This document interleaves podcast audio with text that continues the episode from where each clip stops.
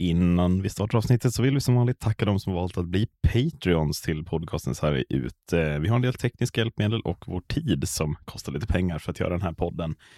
Vill ni stötta oss så går det att göra. Det gör man via patreon.com snedstreck sargut podcast. Tack så mycket. Spelar loss på på vänstra sitt. Grenberg. Grenberg går via sargen bakom huvudet. Sundin får in fast. den, Där kommer mål! Mats Sundin gör 1-0 för Sverige! Svensson för Claesson och är det kvitterat! Och så kommer läge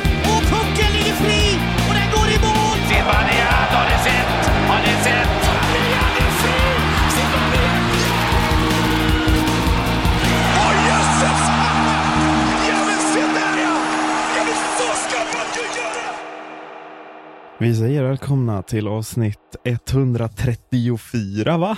Av podcasten Sargut, tror jag att det är, kände jag nu och blev osäker. eh, det känns väl lite sjukt att konstatera Marcus, men det är mindre än två veckor, eller det är två veckor till julafton när vi sitter här. Eh, och det är halvtid, framförallt i SHL, som ska spela någon slags Eurohockey-turnering innan julen börjar. Eh, Hockeysvenskan spelar ikapp sina omgångar för att sen vara exakt halvvägs framme.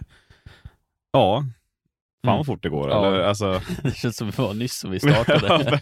säsongen, ja. man, man satt och väntade efter tio, tio omgångar det skulle spelas och sen bara pang sa det och så har vi Mm. Ja, de här, spelat sist, de här 25. sista, alltså fram till omgång 10 kändes det som att det gick ganska långsamt, men de här Mm. sista 15 omgångarna har ju flugit alltså brutalt fort, är känslan. Mm. Har det varit så mycket hockey? Jag vet inte, jag tycker det är CHL och det är Eurohockey och grejer hela tiden, men det är ja, Mm. två omgångar i veckan.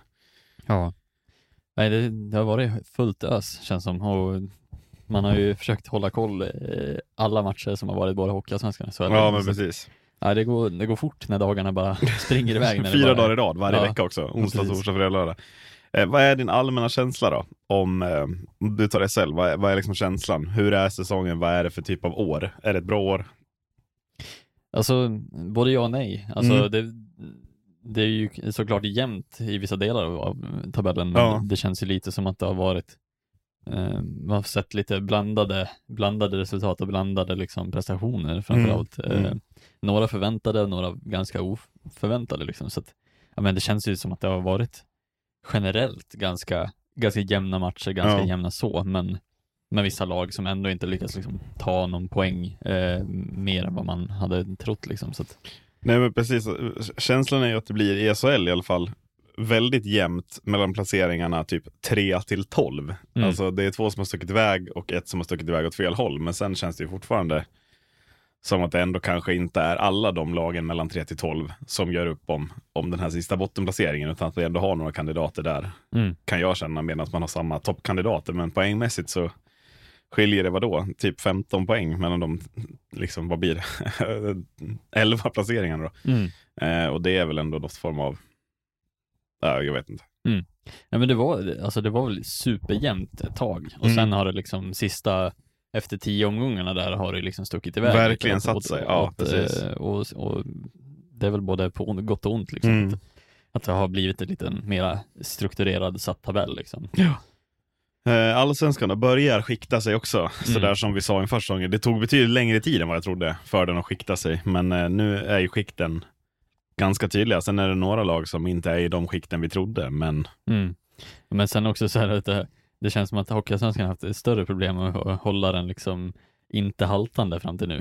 ja, det är väl första gången. som Och sen det- känns det också som att allsvenskan har haft ett problem att verkligen hitta kvaliteten över flera omgångar. Det är några lag som har flera omgångar i rad där de har hittat kvaliteten, men, men man ser ju överlag en bristande kvalitet. Brynäs och Björklöven haltar lite nu. Mora har svårt att vinna många matcher i rad. AIK och Västerås är så mycket upp och ner det går att bli. Mm. Och Djurgården och Södertälje är bra nu, men inledde ju säsongen betydligt, betydligt mer Mm. krampaktigt.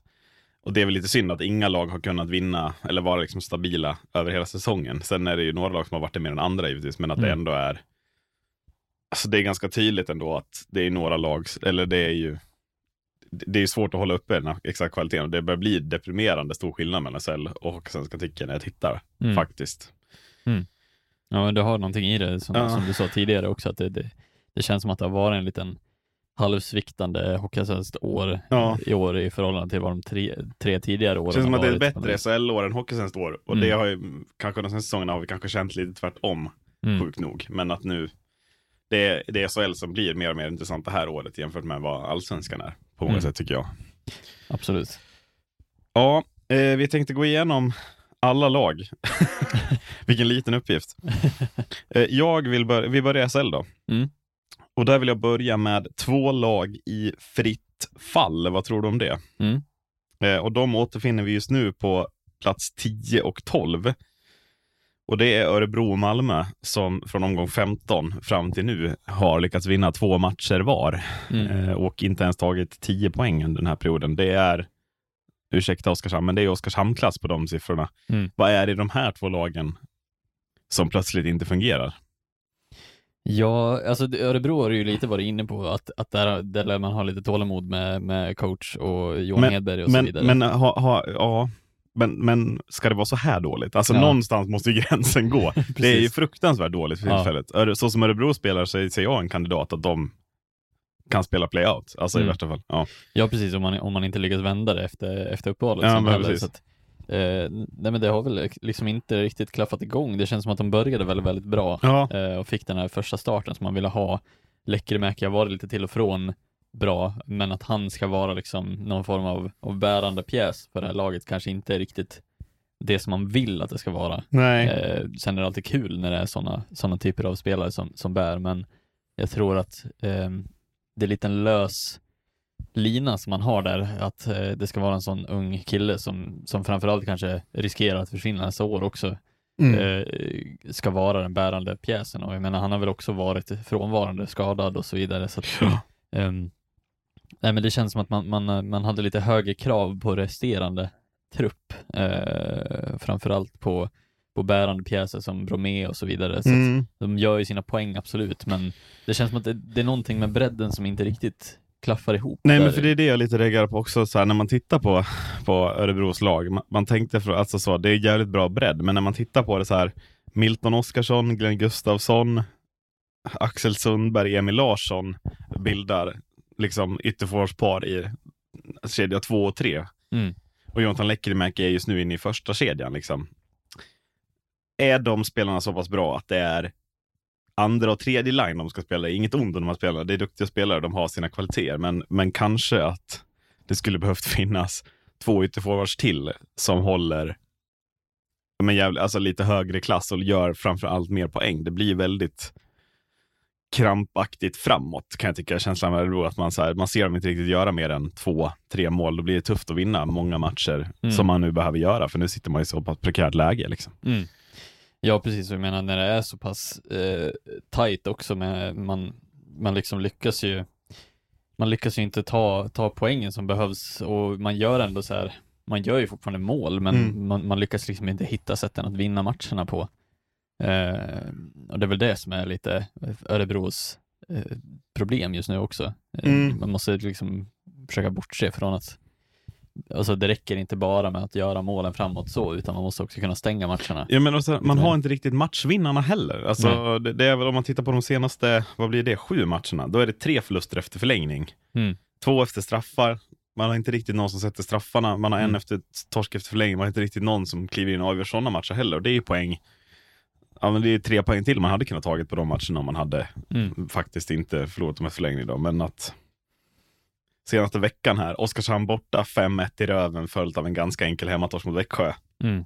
Inte riktigt vad man vill avsluta med innan uppehållet kanske. Framförallt inte Oskarshamnstorsken. Nej, nej, ju är- den, den ska man ju bara vinna. Alltså sen, jag tror ju också att Oskarshamn har ju, kommer ju ha sådana eh, tillfällen där man bara sprutar in mål, Ja. så som man gör Mm. mot Modo till exempel också, eh, och mot Öre- Örebro. Mm. Då kommer det bara behövas att, att liksom gå på full offensiv och försöka liksom övermanövrera hela Ja, den. Liksom, jo, jo men, men precis. Det jag tänker med Oskarshamn är ju dock, när de vann mot Modo så var de fortfarande inte så här bottenuselt dåliga som de är Mm. nu. Utan det är de sista tio de har sugit verkligen. Och då är det två lag som Oskarshamn har tagit poäng mot. Det är Örebro-matchen och sen är det mot Malmö som är Mm. det andra laget i fritt fall. Och det måste ändå tyda på någonting tycker jag. Ja. Att man, man hämtar in 3-0 mot Malmö borta Oskarshamn. Mm. Jag tror inte något annat lag hade tillåtit den upphandlingen. Visst, det är något matchstraff och sådär, men ändå. Jag vet Mm. inte. Tror du att eller är det lite också ett tecken på att Malmö och Örebro har stora problem, att de tillåter Oskarshamn vara lika bra som dem? Ja, eh, framförallt att man inte kan, kan hitta ett sätt att hantera Oskarshamn på. Nej. Eh, och jag tror i och med att Oskarshamn spelar på det sättet de gör så blir det också så här så, som, jag, som jag pratade om när de spelade mot Modo till exempel, att de försöker hela tiden hitta de långa passningarna igenom. Jag tror att eh, hittar man inte ett sätt att stänga ner det på så har man ganska stora problem eh, som lag, eh, även att stänga ner de andra lagen sen Mm. framöver. Att det känns som att det, det är ganska lätt att läsa Oskarshamns spel egentligen. Mm. Det handlar bara om att, att, att vara ganska medveten om hur, hur de ska spela och jag menar, Ja. är man inte det som Örebroklubb eller som Malmöklubb heller, då tycker jag man, man, man har en del att fundera över Mm, på mm. när man väl går in i den här, liksom, eh, den här längre eh, pausen. Eh, så att, För att Oskarshamn har ju blivit väldigt mycket att det handlar om att stänga en kedja. Mm. Tidigare har de ändå haft lite alltså, ol- alltså olika alternativa målskyttar ifall första kedjan lyckas stänga ner. Men nu är det ju mycket Mm. Håll Karlqvist, Jasek och Sannen borta så vinner man typ matchen. Mm. Eh, och det är ju därför de också ligger bottenlöst sist i den här tabellen. Men Ja, ja, Precis, och jag menar, ja, nej, det ska väl bara gå att kunna, kunna matcha det eh, Mm. på något vis. Och jag menar, Johan Hedberg har ju också ändå fångat upp den, tycker jag, rutinen. Sen kan det ju vara lite det där problemet. Jag tycker att Johan Hedberg har haft problem med att matcha rätt ja i nej, men vissa det, lägen. den, den, alltså, han är ju en obefintlig matchcoach på det sättet. Mm. Han, är, han är ju väldigt mycket en processtränare, att, att det är bara att mata på och när Mm. det funkar, då funkar det sjukt bra. Men i de här perioderna så skulle man ju behöva spela lite mer de som är heta, för att Mm. annars, du, du faller ju mycket djupare dalar i SHL än vad du gör i Allsvenskan och den rutinen måste ju Mm. Hedberg ta till sig att ja, men, det här har man inte råd med, för att då faller man ju plötsligt efter. Man låg ju trea ganska bra tag. Liksom. Ja, men precis. Eh, Malmö då, vad har hänt där? Ja, alltså jag tycker att det, det, det var så otroligt intressant att se Malmö, för jag tycker att de har gjort det väldigt, väldigt bra eh, när de har spelat. Så jag, jag var väldigt imponerad av deras inledning Mm. och sen också sättet man spelar på. Eh, och även om vi har vunnit på Malmö två matcher, de två matcher som jag har sett Malmö spela mot oss har jag tyckt att de gjort väldigt, väldigt alltså så de spelar väldigt bra. Sen tycker jag att de har, de har fortfarande problem med effektiviteten Ja, på något sätt. det är mycket uddamålstorskar. Ja. Ja. Eh, de har liksom ribbskott, de har liksom lägena, men det känns som att de, de inte riktigt får dem dit de vill. Ehm, och det vet jag inte riktigt om det, om det kommer att landa rätt sen eller om det kommer liksom att, att lösa sig över tid, men de, de gör väldigt mycket rätt. Sen, sen handlar det ju om att, att ta poängen Mm, också. Man mm. kan inte bara gå igenom en liga och spela rätt. eh, och Nej, det, det, det här liksom. med hedersamma förluster finns ju inget som är tröttsammare. Nej. Man, är, man förlorar ju nästan hellre och är usel. Liksom. Mm, precis. Eh, så att ja, jag tror bara att man, man behöver fundera och skruva lite på, på de eh, special teams och, och de liksom effektiviteten i anfallsspelet och så vidare. Att försöka hitta mer lägen, men de, de har väldigt många duktiga avslutare i det här laget. Alltså jag, Mm. jag har väl eh, berömt de där finländska värvningarna otroligt mycket. Ja, men och det är inte riktigt där det brister tycker jag. Nej. Utan jag tycker att det verkar vara i övriga laget som det brister. Att Mm. eh, det är mycket finnarna som ska göra det, annars händer ingenting. Det, Mm. Jag tycker Eh, vi ser återigen så här. Det, Malmö var typ samma sak förra året. Mm. Det var bra i 15 omgångar, sen kom dippen. Och nu vet jag inte. Hur kan man gå från att vinna borta mot HV med 8-0, följa upp det med att vinna med 2-0 mot HV hemma. Och sen efter det vinna tre matcher på de nästkommande, vad, vad är det, 11 efter det liksom. Mm. Eh, alltså, fick man hybris där tror du? Eller vad, vad, alltså, någonting har hänt att de andra lagen har tagit ett steg upp som Malmö inte har kunnat ta, Mm. tänker jag. Ja, absolut. Eh, och man blir ifrånsprungna även om kanske Modo som ska vara det laget som man ska försöka tävla mot Ja, den ja, positionen tycker verkligen. jag. Ehm, och det handlar ju egentligen bara om att Mm. vi har varit bättre effektivitetsmässigt. Ja, Liksom. Vi ja. har inte haft en... Nej men ni har ju fler matchvinnare som kliver fram i olika lägen. Det är ju av min, alltså, och, och ni, det, jag tycker det är Karolins styrka. Att eh, han, det är olika matchvinnare i taget. Nu är det Samporanta som har klivit upp senaste veckorna och verkligen blivit bra. Han var ju ganska iskall i början av säsongen. Mm. När Södergran och Valle Valtron var heta istället. Eller Ågård har klivit fram de matcher. Att Mm.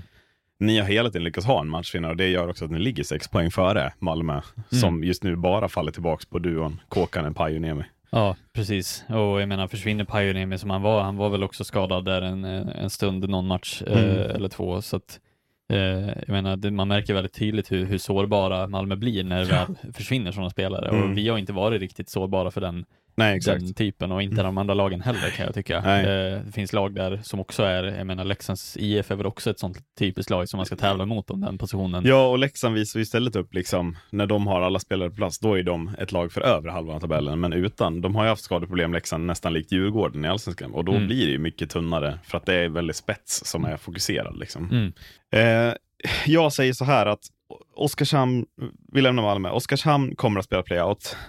Hur mycket finns det att säga om Oskarshamn? Alltså, Eh, i en Ja. större genomgång känns det ändå som ett lag där vi kan konstatera, det är för dåligt, man saknar bredden totalt. Eh, och det är många spelare som kanske hade mått bättre av att spela allsvenskan än SHL i det där laget. mm. Eh, Oskar Engsund, flopp. Men, men jag tänker att utöver Oskarshamn så känns det som en kamp mellan fem lag kanske. Mm. Vilka som ska spela, ta den sista playoff-platsen. Ja. Där eh, Malmö och Örebro tydligt är två av dem om vi tittar nu. Eh, där Modo är inblandade vare sig du vill eller inte. Men det handlar Mm. ju mest om att man är nykomlingar och inte har haft budgeten att värva ett bättre lag än vad Mm. man har. Och sen är det ju Rögle och HV som har krigat där hela säsongen. Och när kan man konstatera att Rögle och HV inte kommer lyfta mer än det här? Eller liksom, Mm. Ja, alltså det börjar väl vara lite, lite redan nu egentligen skulle jag Mm. känna. Eh, alltså jag tycker HV är alldeles för sårbara när, eh, när toppspelare inte levererar också. Eh, Rögle har väl avsaknad av, av ännu mer. vad är nästan. det som saknas i Rögle? Har du kunnat sätta fingret på det? Alltså jag, i slutändan så landar jag väl nästan bara i att det är det kanske är ett, ett försvarsproblem och, och målvaktsproblem. Ja, för att. Abols är ändå topp fem i poängligan nu. Ja. Alltså det levereras ju framåt upplever jag, men, men något är ju problemet. Jag vet inte, är det, ja, är det försvaret kanske? Mm. Men också coachningen i sig tycker jag Mm. inte alls har haft den spetsen. Nej, men är som- eller det kanske. Harmonin liksom i Mm. omklädningsrummet är bottelaget. Att han får inte alla att leverera riktigt som han vill. Mm. Typ. Ja, eh, någonting är och det känns lite som att det är liksom obalans i, i eh, hela sättet man, man försöker spela på och sättet som man försöker, alltså så här, jag tycker att även där, likt Malmö, tycker jag man har stundtals sett bra ut. Mm. Men det, det får liksom inte, det får inte den utväxlingen som man bör få på det där laget. Nej. Eh, och kanske ännu mer press på att Rögle borde få ut mer av, eh, av det där laget än vad Malmö får. Ehm, och jag tycker det är väldigt märkligt att man inte kan få det och då börjar det väl lite landa i att man behöver göra, nu gjorde man ju ändå några värvningar, man gjorde den här Henry Bolby som kom in. Vilken succé. Eh, eh, nej, Vad var det jag sa? ja precis. nej, det var ju ingen, det var ingen poängspruta. som Nej, vi- vad har han gjort? Två assist på Ja, sju matcher va? Mm. Eh, och jag kan inte säga att det liksom lyfter laget på något sätt heller eh, i övrigt. Alltså det var inte en stabilitet som kom in, det var inte, det var inte heller någon form av poängskörd som, som ökades i Nej, i det var ju bara en scoring, till liksom. spelare att betala för, Ja. punkt. Liksom. Ja. Precis. Eh, Bischel kom in också, där har man också gjort förändring. Jag tycker inte heller att den har lyft eh, Rögles backsida något Nej, nej, nej, nej. Eh, alltså, jag kan liksom inte landa i någonting annat, att, att de har ett problem som kanske är utöver värvningar. Mm. Eh, egentligen. Alltså kanske att, en målis hade gjort någonting, men jag tror ändå att man behöver utvärdera och se, är det verkligen den här tränarstaben som ska Ja. göra det i år? Mm. Eh, Och också sportchefssidan måste ju lite ja, ses över nu också kan jag tycka. Abols är en bra värvning, men det är också inte en så imponerande värvning. Att det är ju man har hittat med något unikt på något sätt. Nej. alla vet ju vad Rodrigo Abols går för, men att ja, det är inte jättemånga värvningar som presterar jättebra. Målvaktssidan är lite för svag. Samt, det är liksom, alltså båda Abbott-bröderna, att spelet på isen är inte tillräckligt bra och det som har skett i sportchefsrummet är inte heller tillräckligt bra. mm, Att lite Abbott-bröderna just nu ihop bildar Rögles problem och gör att man är i botten av tabellen. Mm. Ja. vilket är också ganska förvånande kan jag tycka. Ja, ja, men, men, precis. det, det är också, kryddar väl lite av det, det som du sa, är man, är man lite less på, på den här typen av, av sätt som man försöker bedriva ishockeyn Mm. där, har, har man liksom ledsnat ur som spelare eller som hel grupp, liksom att det här funkar liksom inte längre, man tror inte riktigt på det längre. Nej. Ehm, och, och bara en sån procent kan ju göra att, att det bara inte funkar på isen heller. Nej. Ehm, och det kan ju bara vara så att det inte klick, alltså, klickar väl med personligheterna i laget heller. Nej. Ehm, Nej, och sen jag tycker fortfarande spelare som Daniel Saar, Everberg, Anton Bengtsson, Simon Ryfors, det är ju spelare med dyra lönekuvert. där man kanske inte känner att, jag menar, säg att de spelarna hade levererat på, sin, på den nivån som när de var som bäst i SHL. Mm. Ja, då hade ju Rögle haft en forwardsida som är helt brutal. Addera liksom Tambellini och Abols till den, plus Linus Sandin som har gjort en bra säsong. Det är ju tre linor plötsligt som är helt magiska, men Mm. nu får man ingenting av det. Nej. Utan det är istället väldigt mycket som handlar om Abols, Tambellini Mm. I för stor utsträckning kan jag tycka. Ja. Eh, och det, det är också lite av ett sportchefsproblem att, att man inte ser det problemet tidigare, utan man tror att ja, men de här kommer tillbaka, Mm. gör ingenting åt det och så står man där med med, med, med kanske SHLs dyraste trupp, jag vet inte, men alltså Rögle, de har, det är väl tio backar på kontrakt nu. En svindyr forwardsida plus två målvakter som, som ju ska vara jämna, vilket betyder att båda kostar ju. De ska ju dela på det. Så att, Ja, ja. Ja precis. Eh, vad, vad ser du vad ser du Rögles framtid vara här? Alltså, Nej, men jag tycker man ska utvärdera. Är det dags att börja fundera? För att det är läget börjar ju vara liksom... men har man råd att vänta säsongen ut? Det är jag med in på. Vad Nej. tänker du? Alltså jag tror Nej, inte det. Alltså, jag, tror, det? jag tror att ska man göra förändringen så måste man göra den nu. Det är som en otrolig risk för Eh, Rögle att ja. plötsligt bara halka ner där. Lite som Brynäs halkade ner förra året under. Mm. Ja.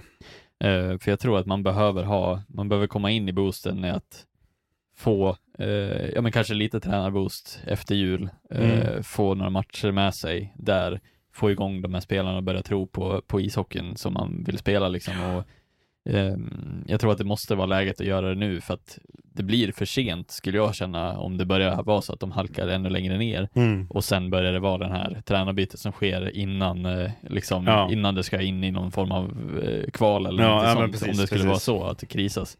Så nej, jag, jag, jag är väldigt orolig för, för Rögles framtid Mm. om man inte börjar fundera över redan nu att göra någon form av förändring. Om det så ska vara så att de plockar in en extra assisterande tränare, alltså en annan assisterande. Ja, nej, men för, bortser man från Oskarshamn, alltså Örebro, Örebro Malmö, Rögle är ju de tre lagen som mår sämst just nu sett till Mm. förväntningar kan jag tycka.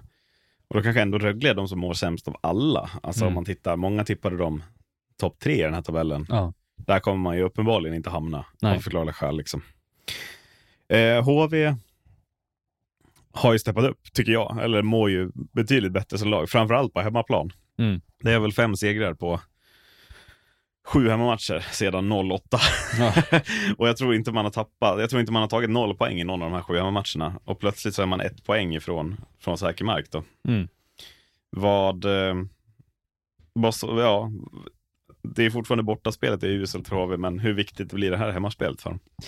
Nej men det blir väl avgörande för, eh, för vart slutresultatet landar också. Mm. Alltså jag tycker att man ska, man ska vara ödmjuk eh, till vart man är och vad man är på väg att göra liksom. Att man, man behöver sikta över, eh, över ingenmansland. Mm. Alltså det är absolut max som man behöver ha fokus på.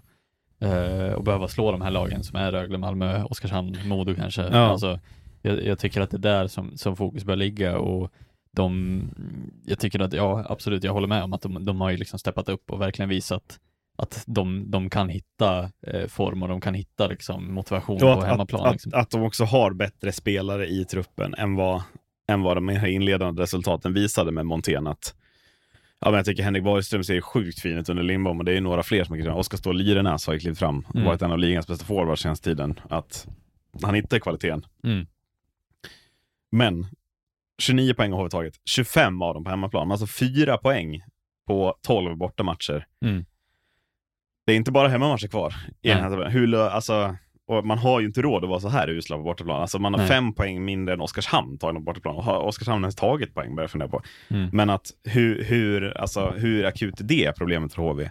Att bort, på bortaplan så är man en slagpåse. Mm. Att det bara är hemma man kan vinna matcher. Det räcker ju inte långt liksom. Nej, precis. Och det finns ju andra lag som också har samma problem. Att, Mm. att det blir mycket hemmaplan som är liksom det. Och så, jag tror bara att man, man ska försöka fokusera på att hitta små detaljer i hur man hur man approachar bortamatcher. Alltså att eh, tre poäng på ett borta Mm. följ, eller så här, på en bortaturné kanske är godkänt resultat Mm. egentligen. Mm. Även om det skulle vara över fem matchers period. Att man ska börja liksom sikta på, på korta resultat Ja. egentligen. Um, Åka och spela bara tråkigt borta Ja. kanske man behöver göra också. Liksom. Ja, precis. Och försöka hitta nya sätt att ladda upp inför bortamatcher också tror jag. Mm. Eh, hade säkert kunnat varit en, en, en nyckel för HV. Jag vet inte om man mm, förändrar någonting som man, som man gör i dagsläget så, eller om man vågar det. Men det, det, det känns som att de behöver ju lösa det likt eh, andra lag som också har haft liksom borta matchproblem. Liksom att Mm. Man behöver eh, på något sätt hitta, alltså kanske eh, försöka utöka bortaföljet som följer med på de här matcherna Ja, som är jo, närmare jo, eller ja. någonting. Jag vet inte. Men framförallt måste man väl ändra approachen. Man tittar på de senaste bortamatcherna, man släpper in fem mot Rögle, man släpper in sex mot Färjestad, man släpper in sex mot Växjö. Visst, det är bra lag. mm, Men ska man, ska man ha chans på poäng kan man ju inte släppa in sex mål. Du gör ju sällan sex mål själv, liksom, utan Mm. du lär, man lär ju så spela sarg ut. ja. Men att kanske liksom hålla tätt bakåt och hoppas att man fiskar lite content, alltså verkligen spela bottenlagshockey Mm. bortaplan. För hemmaplan har man ju hittat en struktur på där, som funkar för att ta poäng och man är ju bra hemma. Alltså jag tycker man är bättre lag mot Frölunda igår exempelvis. Mm. Ja. Ja, men det blir den här eh, klassiska liksom, motivationsfrågan. Ja. Här, hur, hur kan vi få, få samma liksom, edge i, i bortamatcherna som vi Mm. får i hemmamatcherna? Alltså, om vi så ska behöva liksom, förändra någonting när vi åker på bortamatcherna i eh, linorna eller vad som helst. Mm. Alltså göra någonting som gör att det blir liksom det blir kul att, att ta sig an utmaningen varje, varje match, även på bortaplan. Mm. Ehm, för det kan ju inte vara så, jag menar nu har ju HV väldigt bra eh, hemma, hemmatryck liksom. Ja. Det, det, det ska de ju Det är verkligen. svårt att vinna i Kinnarp eller Huskvarna. Ja, precis. Och det ska de ju verkligen vara glada och nöjda över för att det är inte alla som har det typen av stödet på, på hemmaplan oavsett liksom. Så att, eh, nej, men jag tycker bara att de ska försöka sikta ganska kortsiktigt på hur, hur man löser de problemen egentligen. Mm. Men eh, ja, det, det blir ju ett problem om, om de bara ska ta hemma hemmapoäng. Ja, ja, liksom. ja, ja, för det, då är ju bara hälften av matcherna man har realistiska vinstchanser att göra om man fortsätter vara så här dålig hemma. Så ja, tre poäng på bort, eller fyra poäng på bortaplan på 12 matcher, det är ett snitt på på 0, komma någonting. Jag ska inte vara matematiker här, men det är ju under ett poäng per match på bortaplan, vilket ju ja, ett poäng per match över en serie är ju dåligt det också. Liksom. Ja. Eh, till Modo Marcus. Mm. Ni, halvtid summerar vi med 36 poäng va? Mm. Eh, har man tagit 66 poäng så har man klarat sig från kval i alla tider i SHL. Ja. Det innebär att ni på de sista 27 matcherna måste vinna 10 av de matcherna om det är tre poängare. Mm. En ytterst realistisk målsättning får Mm. man ju säga. Eh, vilket ju måste betyda att Modo har lite vind i seglen här och känner att ja, men vi kan nog absolut klara oss utan kval. Mm. Ehm, Ja. ja, vad tänker du? Hur nöjd är du?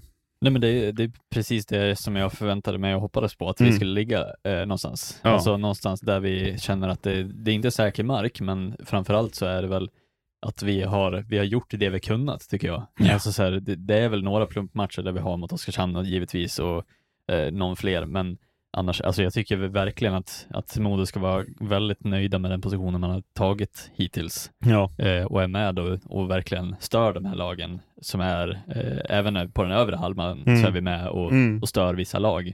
Men jag tycker att vi fortsatt ska ha den målsättningen att vi ska inte, vi ska inte, vara, vi ska inte åka till Färjestad och förvänta oss att vi ska ta tre poäng. Nej, precis. Det är inte de matcherna Nej. man ska vinna. Nej. Nej, eh, och gör vi det så är det bonus. Ja, eh, precis. Men, Mm. eh, men alla de här matcherna som vi verkligen har gått in i och, och måste vinna, liksom, det är de vi ska hämta energi Mm, ifrån mm. och, och verkligen liksom, fokusera på. Och sen, jag menar, Timrå, det ska ju vara ett lag som vi oavsett vad ska göra bra match mot för att det bara är Ja, en men det är, det är ju en sån match som hamnar utanför det normala serielunks. Liksom. Precis, Ja. där, där gör vi en insats som är utöver det vanliga, ska jag Ja, säga. ja, ja, hela matchen är utöver det vanliga. Ja, det är ju ett otroligt eh, derby. Liksom. Ja, verkligen. Så att, men, eh, men i övrigt, alltså, jag tycker eh, Modo har hittat ett sätt att, att eh, inte vara beroende av att vi har värvat en toppkedja och sen ska Nej. den göra det, utan vi har verkligen hittat sätt att lyfta våra spelare som vi redan har under, eh, Och, under hela det. ja, men precis. Och, och man har hittat kontinuitet. Alltså Mm. Modos längsta förluststreak den här säsongen är tre matcher. Och det var ju här eh, Skellefteå hemma, Växjö hemma, Linköping borta, där du också kände att här är det på väg ner. Men det följer man ju upp med två segrar, derbyt en av dem. Men att, att ha den kontinuiteten, att man aldrig förlorat mer än tre matcher i rad, det gör ju att man hela tiden hittar sig tillbaka och tar poäng. Mm. Och att som nykomling göra det över en period på 25 matcher, då är man ju ingen bluffnykomling. Det är ju bara att fatta. Då har ju Modo hittat spel och jag tycker Mattias Kalin bör ju omnämnas i diskussionen som årets tränare hittills, sett till hur han Ja, men han, han rör om i den här truppen på olika sätt som gör att han hela tiden hittar olika växlar, olika spelare som, som höjer kvaliteten. Och när, alltså jag var inne på det tidigare, men när jag har haft, alltså Sambaranta är det heta spelare just nu, tidigare har det varit Ågård, Woods, den kedjan har varit het. Mm. Tidigare också kedjan med Vignå, Valle Walterholm och Södergran. Mm. Jag menar, säg att ni hittar en period Där, alltså, nu har ni värvat Logan Hatsko, vad var det jag sa? Mm. Säg att han kommer igång, kommer in och avgöra matcher. Alltså ni hittar ju hela tiden vägar att avgöra matcher. Det var, De här lagen de ändå pratar om i botten har ju haft snarare perioder där de inte har hittat någon lösning på hur man ska vinna matcher. Modo, Mm. eller där Malmö och Örebro just nu är ju verkligen i, i katastrof. Man, man hittar inga vägar att vinna matcher. Mm. HV, start på säsongen ska vi inte prata så mycket Nej. om hur, hur det såg ut då, liksom. men Mm. ni har ju verkligen hittat ett sätt att hålla kontinuiteten. Och ja, uppgiften är att ta 10 trepoängare på 27 matcher. Sen kommer det blandas in med någon sadden torsk och sadden vinst. Men uppgiften känns ju känns inte som en uppgift som, som kräver jag vet inte hur man ska lägga den på skalan av svårighet, men det är ju inte högsta svårighet att ta de segrarna, utan Nej. det här bör Modo lösa om man lyckas hålla upp den här kontinuiteten känner jag. Ja, eh, nej men, och det som jag tycker framförallt har varit det talande för det, och om vi går tillbaka till Kalin igen egentligen, så tycker jag väl att sättet som vi, vi började säsongen på, visst det var väldigt charmigt med den anfallshockeyn vi spelade och så Mm. vidare, men jag tycker att vi hela tiden har jobbat väldigt hårt för att strukturera upp försvarsspelet på ett annat sätt. Vi vet att så här, okej, vi, kan, vi kan spela den här anfallshockeyn, den här lite mera chansartade anfallshockeyn som också öppnar upp luckor på eh, vilket lag som helst egentligen, men när vi väl flyttar hem i egen zon eller flyttar hem liksom det- när vi märker att de andra också spelar på ett sätt så kan vi också vrida och förändra. Mm. Eh, och det tycker jag är nyckeln, att, att vi har kunnat liksom förändra sättet som vi spelar på och inte bara tro på att okej, det här är processen mot det här laget. Ja, men exakt. Utan vi har liksom kunnat förändra, vi kan spela kontringshockey mot kontringshockey. Eller vi kan också spela tråkhockey mot tråkhockey. Mm. Att, att det har blivit lite den typen. Sen har vi lite problem mot de här lagen som är bättre på att stänga ner matcherna mot oss. Att så här, äh, gör, gör eh, Växjö-Luleå 1-0 mot oss, ja men då har vi väldigt, väldigt Precis, svårt. där saknar ni ju den Ja. yttersta spetsen. Men, men jag tänker det är också, om man tittar matcherna när ni har vunnit, alltså om man bortser från den här äh, bedrövliga torsken mot Oskarshamn, de har ni ändå slagit en gång, men ni har ju slagit Örebro två gånger va? Mm. Rögle två gånger, Malmö två gånger, HV två gånger. Mm. Det är de lagen ni har under er, som Ja. ni har slagit två gånger. Mm. Och jag menar, när vi summerar den här säsongen, om det visar sig att Modo inte är ett av botten två, hur, kan, hur kommer vi inte kunna prata om de här matcherna som helt centrala Mm. för eran framgång i sådana fall? Ja. Det är ju liksom Ja. anledningen till att det ligger där det ligger den här halvtiden. Det Ja, är ju precis. liksom hälften av poängen vi pratar Mm. om. Och det är ju de, det är ju de matcherna som vi har gjort också, kanske våra bättre matcher, eh, skulle jag säga. Ja. Sen, sen gör vi ju några uppstickare som är liksom mot de här topplagen också, men Eh, absolut, jag ser det bara som bonus att vi har plockat hem en del poäng från, från topplag. Ja, Men eh, jag, jag, jag ser, jag ser Mm. liksom att det här är det här är den målsättning vi har, och det är den målsättning vi ska fortsätta ha eh, och inte sikta högre än så här. Nej. Att kommer, vi, alltså, kommer vi in i en play-in, alltså det är mer än godkänt skulle jag säga. ja, ja, Eh. ja det är mer än godkänt. Alltså, Eh. jag, jag tänker att, att det som är alltså, godkänt är att klara sig kvar Mm. på något sätt. Om man gör det utan att, alltså, att på något sätt behöva kvala för det, då är det bättre. Alltså, VG är väl Ingemarsland MVG av play Mm. liksom, Det är där vi pratar. Precis. Men sen är det som det, det är ju tydligt, alltså, alltså, ni har ju lättare att ta poäng. Så Färjestad hemma vann ni, eh, Frölunda har ni tagit poäng mot, Linköping har ni tagit poäng mot. Det är ju lag som spelar en offensivare hockey. De lagen ni har brutala problem mot är ju Skellefteå, Luleå och Växjö. Mm. Där defensiv, alltså där, där en stark defensiv, om defensiven är för ramstark Mm. så klarar inte Modo av att hantera den. Det är Nej. ju den yttersta tydligheten liksom. Mm. Precis, vi är, för, vi är fortfarande för, lite för chansartade i, i de matcherna. Eh, Ja vilket, men precis. vilket gör att får de ett läge så gör de mål. Ja, Ehm, och det finns ju tendenser där som vi även hade kunnat förlora matchen mot Timrå där vi tappar alltså Ja. säkert fyra, fem puckar som är liksom sådana chanspuckar Mm. som vi kastar in i hopp om att ja men där är en spelare i vanliga fall, men det är inte. nej men jag menar Ehm. målvaktssidan är målvaktssidan också. Ja. Alltså, om man tittar, i Oskarshamns målvaktssida har jag absolut inte klivit upp. Ortio absolut inte. Rögles målvaktssida absolut inte. Malmös målvaktssida tycker jag inte alls Mm. känns som någon större stabilitet. Och Enroth och Arntzen, ja Örebro, det är väl typ lika bra som er målvaktssida. Men det är ju fortfarande, ni prickar ju där också Mm. på de viktigaste spelarna. Att, att de kliver fram. Lehtinen är ju en av seriens bästa målvakter kanske. Ja, ja, jag var ju frågande till att det skulle vara nyckeln Ja. till Modos framgång. Alltså jag börjar mer och mer luta till att det kanske är nyckeln till Modos framgång. Ja, en av igen. dem i alla Ja, fall. Alltså det ehm, känns som att ni är, men, men att det går inte bara att ha en nyckel. Det är Nej. det som är problemet. Och det är därför Oskarshamn ligger där de ligger. Nyckeln är första kedjan måste prestera, annars så finns det inga nycklar Nej, kvar. precis. Men ni har ju en, en välfungerande forwardsida, en ramstark backsida har ni ju fått till. Och sen bra målspel. Det är ändå tre nycklar som på olika sätt vinner matcher. Och att vi pratar om backsidan mot Rögle exempelvis. precis.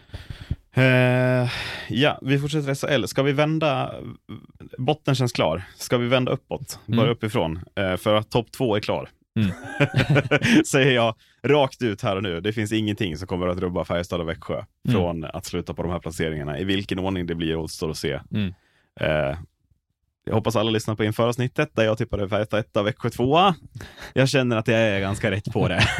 men, men det gjorde väl du också, fast i annan ordning. Växjö 1 Eh, Färjestad 2 va? Ja, Mm. jag tror det. Mm. Eh, och mer åt att jag, jag, är, jag är inte så förvånad att Färjestad ligger där de gör. Nej. Jag är mer förvånad över att Växjö ligger där de gör efter, det, Efter starten. efter starten Mm. och det spelet som man spelar. 25 poäng sista 10 matcherna. Ja. Växjö har vaknat. Ja. Eh, överlägset bäst form av alla ju. Eh, och det, det är jag mest imponerad över egentligen. Ja. Eh, jag tycker att sättet man, man bedriver och spelar hockeyn på eh, är så ramstarkt på något vis att, att det, känns, det känns bara som att det finns ingenting annat att säga om, om Växjö än att det bara är, de är där och de kommer att stanna där och vara där över tid. Ja, och, Eh. och, och på tal om tränare, Jörgen Jönsson Eh, är ju, kliver ju upp redan nu som Ja. ett av Sveriges absolut hetaste tränarnamn. Mm. På den absolut högsta nivån i den här ligan, tycker jag. Eh, det är inte bara att komma från ett SM-guld, inleda svagt och få det att vända Nej. i det här omklädningsrummet. Det gör bara bra tränare skulle jag säga. Eh, Mm. Ja. Och just hur han bedriver taktiken och hur han, han vrider och vänder på, alltså jag är ändå så här, jag varit lite frustrerad över när, när jag sett Växjö spela och när vi har mött Växjö. Eh, jag tycker inte att det, det är inte fantastiskt rolig hockey de spelar. Absolut inte. nej. Men samtidigt, det är inte det som de behöver göra heller. Och Nej. det fattar de ju själva också. Det är väl lite det som är nyckeln också, att så här, de vet att de har, de har vissa spetsspelare som kommer att göra det. Kossila är en av dem. Kossila. Silvergård känns Ja. rätt heta ihop också. Ja, alltså få, det är ju liksom så här, de har fått ett läge mot oss och så gör de mål och sen så Ja. stänger de ner och vi kommer ingenstans. Men alltså, är inte det, lite också den- väldigt imponerande? Jag tycker att Jönsson anpassar Växjös spel efter hur, alltså så här, han fattar, Modo slår vi inte genom en offensivt fint spel, Nej. utan Modo slår vi genom att ta, ta slut på deras tålamod. Medan när han möter typ HV eh, för några matcher sedan på hemmaplan, eller när de möter Örebro igår, så är taktiken, nu stormar vi ut Mm. och så gör vi några mål. Så ser vi motståndet svara på det och motståndet har inget svar. Alltså att jag tycker att den typen av sätt att vrida är också otroligt imponerande. Mm. På många sätt. Eh, Men, Kossila, ja. men också att Jörgen Jönsson, man, man, man har ju lite så här, man har ju prisat honom som spelare, men man får ju lite försmak av hur väl strukturerat taktiskt han är också. ja. Inte bara liksom att så här, ja men det är ut och spela, eh, spela hockey bara, utan eh, verkligen vrider och vänder på hur han, han approachar varje match Mm. varje situation. Allting är så väl utstakat liksom taktiskt och, och det tycker jag är mest, det är jag mest imponerad över en, en coach som ändå har relativt lite erfarenhet på, på den här nivån egentligen. Mm. Eh, nu har han ju varit liksom sido eh, tränare ett tag i, i ligan, men samtidigt, eh, jag tycker att det är det absolut mest imponerande att, se Ja, varje match. ja, men jag håller med. Jag, håller med. Eh. Jag, jag, gillar också hur han bygger, alltså Kossila Silvergård. Det blir lite feelingen, liksom han och Peter Nordström, alltså att, att Ja. ja. men det här funkar jävligt bra. De här får, de får tiden, de har formen så länge. Och jag menar, alltså Kossila redan förra året när han kom in, men, men vad, vad är det för jävla gu- gubbe? Alltså han Mm. är helt otrolig. Mm. Eh, och jag tycker att det pratas typ aldrig om honom när vi pratar om vilka som är seriens bästa spelare, men han är ju där uppe igen Mm. och har ju typ snittat ett poäng på match sen han började Ja. spela i Växjö. Eh, Ja, har ett SM-guld redan liksom. Och det, där handlar det inte om att så här, de behöver inte, inte ha den typen av, av djup i, i secondary scoring eller någonting sånt heller. Nej. eh, på det sättet, utan de, de behöver bara förlita sig på att vi går ut och gör första målet, Mm. eller vi går ut och gör det som krävs för att vinna matchen bara. Ja. Vi behöver inte göra någon så här 5-0 match eller någonting sånt, utan vi behöver göra det som krävs och sen kommer det andra jobbet att vara minst lika viktigt som att göra målen. Mm. Eh, och det tycker jag är bara den, alltså mognaden i, i hur Jörgen Jönsson ser på det här fr- från första början. Att han kommer in efter Sam Hallam och, och bara tar in det Ja. och, och verkligen bara det funkar. Ja. Och alla köper in på det. Ja, men är precis. mest imponerande. Precis, och sen tycker jag också, det som känns obehagligt nu med Växjö är ju att jag tycker ju också att Emil Larmi börjar ju se ut som förra årets Emil Larmi. Mm. Jag tycker att han stod för några tveksamma insatser tidigt på säsongen också, men att där mot Leksand. Nu vinner Leksand det på straffar, men alltså det är ju helt sanslösa räddningar han gör i den matchen. Och det känns som att han är på gång till den där nivån också, att det är inte bara att ta sig förbi försvaret, du ska sen också förbi Emil Larmi. Mm. Och då är Växjö otroligt svårslagna alltså, eh, på en ishockeyrink för tillfället. Ja, så är det. Eh, Färjestad då? Ja. Nej men det är väl, På alltså, tal, ja, alltså, vad säger man? ja, men, eh, det jag är mest imponerad av, det är adderingen av spelare till Mm. den här truppen. Alltså målvaktssidan förra året var ju inte tillräcklig. Sättet man, man adderar där, sättet man adderar Tomasek som en naturlig typ första center, trots att Linus Johansson finns i truppen, gör ju att djupet på centersidan där Ejdsell ligger trea på poängligan och typ kliver in som tredje center. Alltså Tomasek, det är Nygård, det är eh, en 37 år ung Per Åslund som fortfarande håller klass. Det är, eh, alltså de har alla bitar och det handlar om det, handlar, det är så viktigt att se adderingen man har gjort av bara så små delar som en riktigt stark målvaktssida och Mm. en riktigt bra center som gör det här laget otroligt, otroligt starkt. Sen har man ju lyckats ersätta Theodor Lennström genom flera spelare Mm. på något sätt. Men, Ja men adderingen av de två bitarna, en stark målvaktssida plus den här centern, tycker jag är så otroligt fascinerande. Och det är liksom var det lilla som behövdes till att göra Färjestad till, liksom ett av li- till topp två utan problem. Ju. Mm. Och jag tycker tyngden också i eh, sättet de spelar på. Det blir så svår, eh, mm, av det lilla jag såg igår, nu hann jag liksom inte se eh, hela matchen tyvärr, men eh, av det lilla man ser så tycker jag att det känns så, allting man gör har liksom det har sån tyngd bakom i, i Ja. hur, hur man driver puck, hur man skyddar puck, hur man vinner kamper. Allting man gör där ute på isen bara är bättre. Man har så en Eh. jävla respekt med sig, alltså Ja. Färjestad. Man, man, man är så himla respektingivande i alla situationer på isen och det känns som deras största styrka. Typ. Ja. Sen adderar de massa kvalitet till det, men det, det är som du säger, alltså, otro- otroligt självklart i allt. Mm. Sen vet jag inte hur mycket Mittell har det där att göra, eller om det också är ledarna i laget på isen Ja. som är tydliga som, som bidrar till det. Men, men alla, det, det är ju, du har ju inte en lugn stund mot Färjestad, det är ju chans på mål, var, oavsett vem som är inne, var, när, hur liksom. Mm.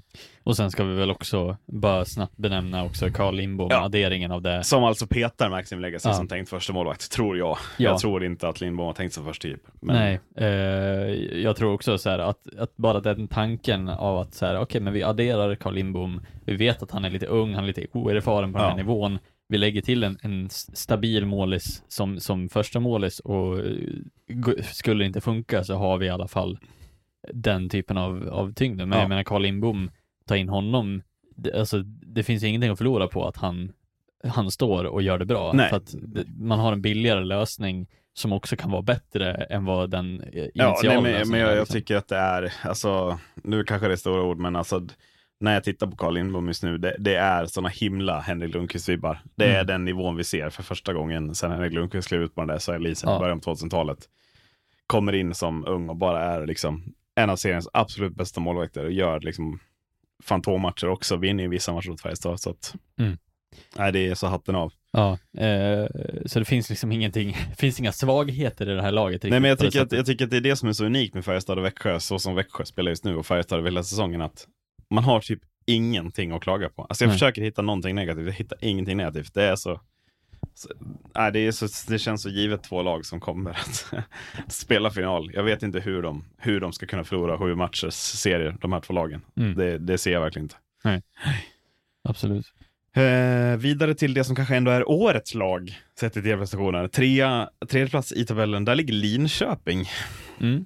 Äntligen, eller? Ja, men ja, Som ja, ja det det råder väl delade meningar om. Men, men eh, kul att, man, att det bär frukt med en satsning som ju har pågått under lång tid eh, utan att få några resultat. Men nej, alltså helvete vad bra man är. Mm. Ehm, Ja, och mycket landar ju i att man gör rätt rekryteringar i år Mm. eh, i förhållande till vad, vad vi har suttit och, och klagat över år efter år efter år. Mm. Så, så känns det på en, för en gångs skull att man har gjort genomtänkta värvningar och landat dem rätt och fått dem i rätt konstellationer ja. och fått utfall på det. Eh, och ändå lita på att man har grunden. Man har det som behövs för att lyfta de andra spelarna. Man har Brock Little som fortfarande är kvar där i hur många år som helst. Jo, men precis. Eh, han kommer alltid göra de poängen som han är förväntad. Mm. Eh, men samtidigt så adderar man de smarta värvningarna som ändå är spelare som som hade tagit plats i, i vilket annat lag som helst egentligen. och, och sen tycker jag att det man glömmer bort är att det påbörjas redan lite förra året, när spelare som, framförallt Ty Raddy kommer in, som ju är, han leder poängligan, det glömmer man bort, men, Mm. men han, han gör det. Eh, och också Oskar Fantenberg och Linus Hultström. Där och då börjar ju någonting. Sen är det otroligt, otroligt bra gjort av Linköpings ledning och fansen att man ger Klas Östman tid så att de här tre spelarna också blir som liksom nästan nyförvärv i år för att de är ännu bättre än förra året samtidigt som sådana spelare som Remy Eli kommer in. Ja, det är där man hittar, alltså man, man, från att ha liksom vissa öar som är bra så är man ju nu en maskin med flera, flera bra kedjor. Liksom. Mm. Och sen liksom också känns det, i alla fall i min, eh, från mitt håll så känns det också som att man har lyckats lyfta spelare eh, internt också, att man, man fått en nivå till på vissa, eh, vissa spelare och Ja. kunna lyfta dem eh, till en nivå som är, som är bara bättre än förra året, Mm. eller för, föregående år för det också. Ja, Eh, och Högberg vet man vad man får ut av. Myrenberg tycker jag har verkligen, från att vara liksom någonstans mittemellan Hockeyallsvenskan och SHL-nivå, så tycker jag att han verkligen Ja. har kommit in, backat upp Högberg på det absolut bästa man Mm. kan få. Och jag menar, om man tittar på de andra lagen eh, som ligger i toppen, där man har en stabil eh, duo på målvaktssidan, där vilken spelare som helst egentligen kan stå, ja. då tycker jag verkligen att man landar rätt där också. Ja, Linköping, samma precis. sak, samma sak, spelarna bakom Ellie och Tyretti och alla Mm. de här tycker jag verkligen har verkligen köpt in på att okej, vi kommer ha den här toppkedjan som Mm. är riktigt bra, men vi kommer att behöva göra ett mycket, mycket hårdare jobb på andra punkter. Och där tycker jag Linköping verkligen har, har steppat upp sin Och där är väl Brock Little det bästa exemplet. Det har ändå varit Ja. några säsonger där det har varit nedåt form, tycker Mm. jag. Men den här säsongen är ju spikrakt uppåt från, från hur, hur liksom grafen såg ut innan. Sen är det också kul för Linköping, tror jag, att man adderar ju också skickliga unga namn till det här. Alltså Filip Bystedt centrar i tredje linjen på ett perfekt sätt. Hävelid är ju given på typ topp två backpar. Eh, och Fabian Wagner kommer in och är också liksom en rivig spelare i fjärde. Alltså, man adderar ju så många lager. Det är spetskanadicker, det är en bra keeper, det är unga heta spelare och sen liksom de här namnen som, som har varit bra i SHL länge, Sebastian Strandberg, Marcus Ljung, typ. Att det, det är väldigt det är en väldig stabilitet i många, på många punkter som Linköping inte har haft sen, urminnes. sen Tony Mårtensson var första center. Ja men alltså, Ja, ja, men helt ärligt, Ja. typ sen Tony Mårtensson var första center. Eh, ja. precis. Och det blir ju att man, man bygger på liksom hela portföljen sen framöver också. Nu kommer det kanske vara spelare som kommer försvinna till NHL eller vad Mm. som helst. Men alltså, jag tycker att man, man siktar helt rätt. Man tror på det man har.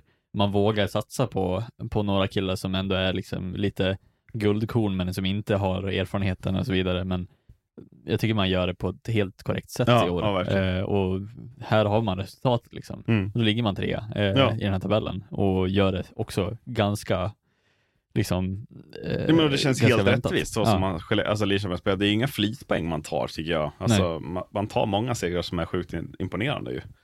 På många sätt. Ehm, bakom där ligger Norrlandsduon Skellefteå och Timrå på samma poäng. Mm. Eh, väldigt imponerad av Timrå måste jag säga. Ja. Eh, som, som också tar ett kliv till Ja. från förra säsongen på många sätt. Och kommer ju från en period nu som är, om man bortser från derbytorsken mot Modo, så är det ju fem segrar. Där vi pratar Färjestad borta, Frölunda borta i, i de segrarna liksom. Mm. Nej men Timrå tycker jag verkligen har, alltså eh, jag tycker det sättet man skakar av sig eh, psykologiskt också, den knackiga starten man har på, Ja. på de topplinjer. Nu gör man en bra start ändå för att man har, man har tryggheten bakom och jag tycker Ja. alltså så här, värvningen av Per Järvi Svensson mer och mer tilltalar mig som kanske en väldigt bra värvning till Ja. slut ändå. Alltså nu, det är ingen poängspelare som jag förväntar mig ska vara eh, det heller. Nu gjorde han ju det i början, absolut, men jag tycker att den, det djupet tillsammans med Boys Rotevall och, och hela den eh, biten, Hartman också, jag tycker att det är många spelare bakom som, som gör att det här eh, Timrå-laget har flera lager av, av säkerhet och trygghet Ja, eh, på ett sätt som man, man verkligen inte har sett sedan de var ett stabilt eh, SHL-lag sist. Och ja, jag tycker att det, det, det, finns, det finns så mycket höjd kvar i Timrå också. Jag tycker att Dahlén, alltså han skjuter mest, han gör mest, han, han, han verkligen Mm. visar att han visar vägen, oavsett om det går dåligt eller bra, Ja. så känns det som att det, det, det, kommer vara, alltså det kommer vara väldigt mycket som ska till innan Dahlén ger upp en match. Jo men verkligen, under, den, liksom. den enda spelaren jag egentligen är orolig för, som jag tycker är Timrås mest negativa in, alltså, det är ju Anton Lander. Mm. Som jag, alltså dels är det inte samma poäng. Jag, jag tycker inte heller att, jag tyckte han förra året var kanske lagets bästa spelare. Jag tycker inte alls han driver det på samma sätt i år. Sen är det andra som gör det. Alltså Emil Petterssons sång är otrolig. Dahlén är jättebra. Som du säger, jag kommer till ett annan, en annan del jag tycker är imponerande. Men man skulle ju behöva få igång Anton Lander mer om man verkligen vill kliva upp och kanske utmana om en semifinal på allvar i alla fall. Nu blir nog Färjestad och Växjö svåra i år oavsett vilka, men Timrå, om, om Lander i form och de här andra spelarna fortsätter, då ser jag Timrå kunna sno en semifinalplats. Faktiskt, om de håller en Ja. sån här plats i ligan. Det måste jag säga. Ja. Eh, och jag tycker ändå, ändå så här, om jag, om jag ska försvara Anton Lander lite, så tycker jag att hans, hans spel på slutet har, har sett mycket, mycket Han, har bättre han ut. är ju på väg igång Ja. känslan, men det är, det är lite för lång startsträcka när vi pratar 18-19 matcher. Ja, Eh, Dahlén, han börjar komma igång efter 9-10. Liksom. Alltså, det, det blir, alltså, man har inte råd att bränna halva säsongen på startsträckan. Liksom. nej, nej, Nej. precis. Sen tror jag mycket handlar om också att de har förändrat sättet som de har approachat den här säsongen på. Jag vet att Dahlén pratade mycket om att han har försökt gå ner, han har, han har tappat mycket vikt för att bli lite snabbare ute på Mm. isen, vara lite mer spänstig och, och verkligen kunna utmana skridskomässigt också. Eh, och det tycker jag, det, det kan ju vara sådana förändringar som har gjort att de har hamnat lite snett på Ja. den här säsongen och sen kommer in i det och nu får man resultatet lite. Precis. Eh, men samtidigt, jag, jag, det jag gillar med Timrå är att de har aldrig slutat trott på det Nej. riktigt. De, de vet vad de har för nivå, de vet var de vill komma någonstans och nu så börjar man se resultatet av det. Ja. Att de har, alltså, de har hela den här toppen, men även liksom så här, de vet att de har tryggheten i det och kan, kan eh, laborera lite. Mm.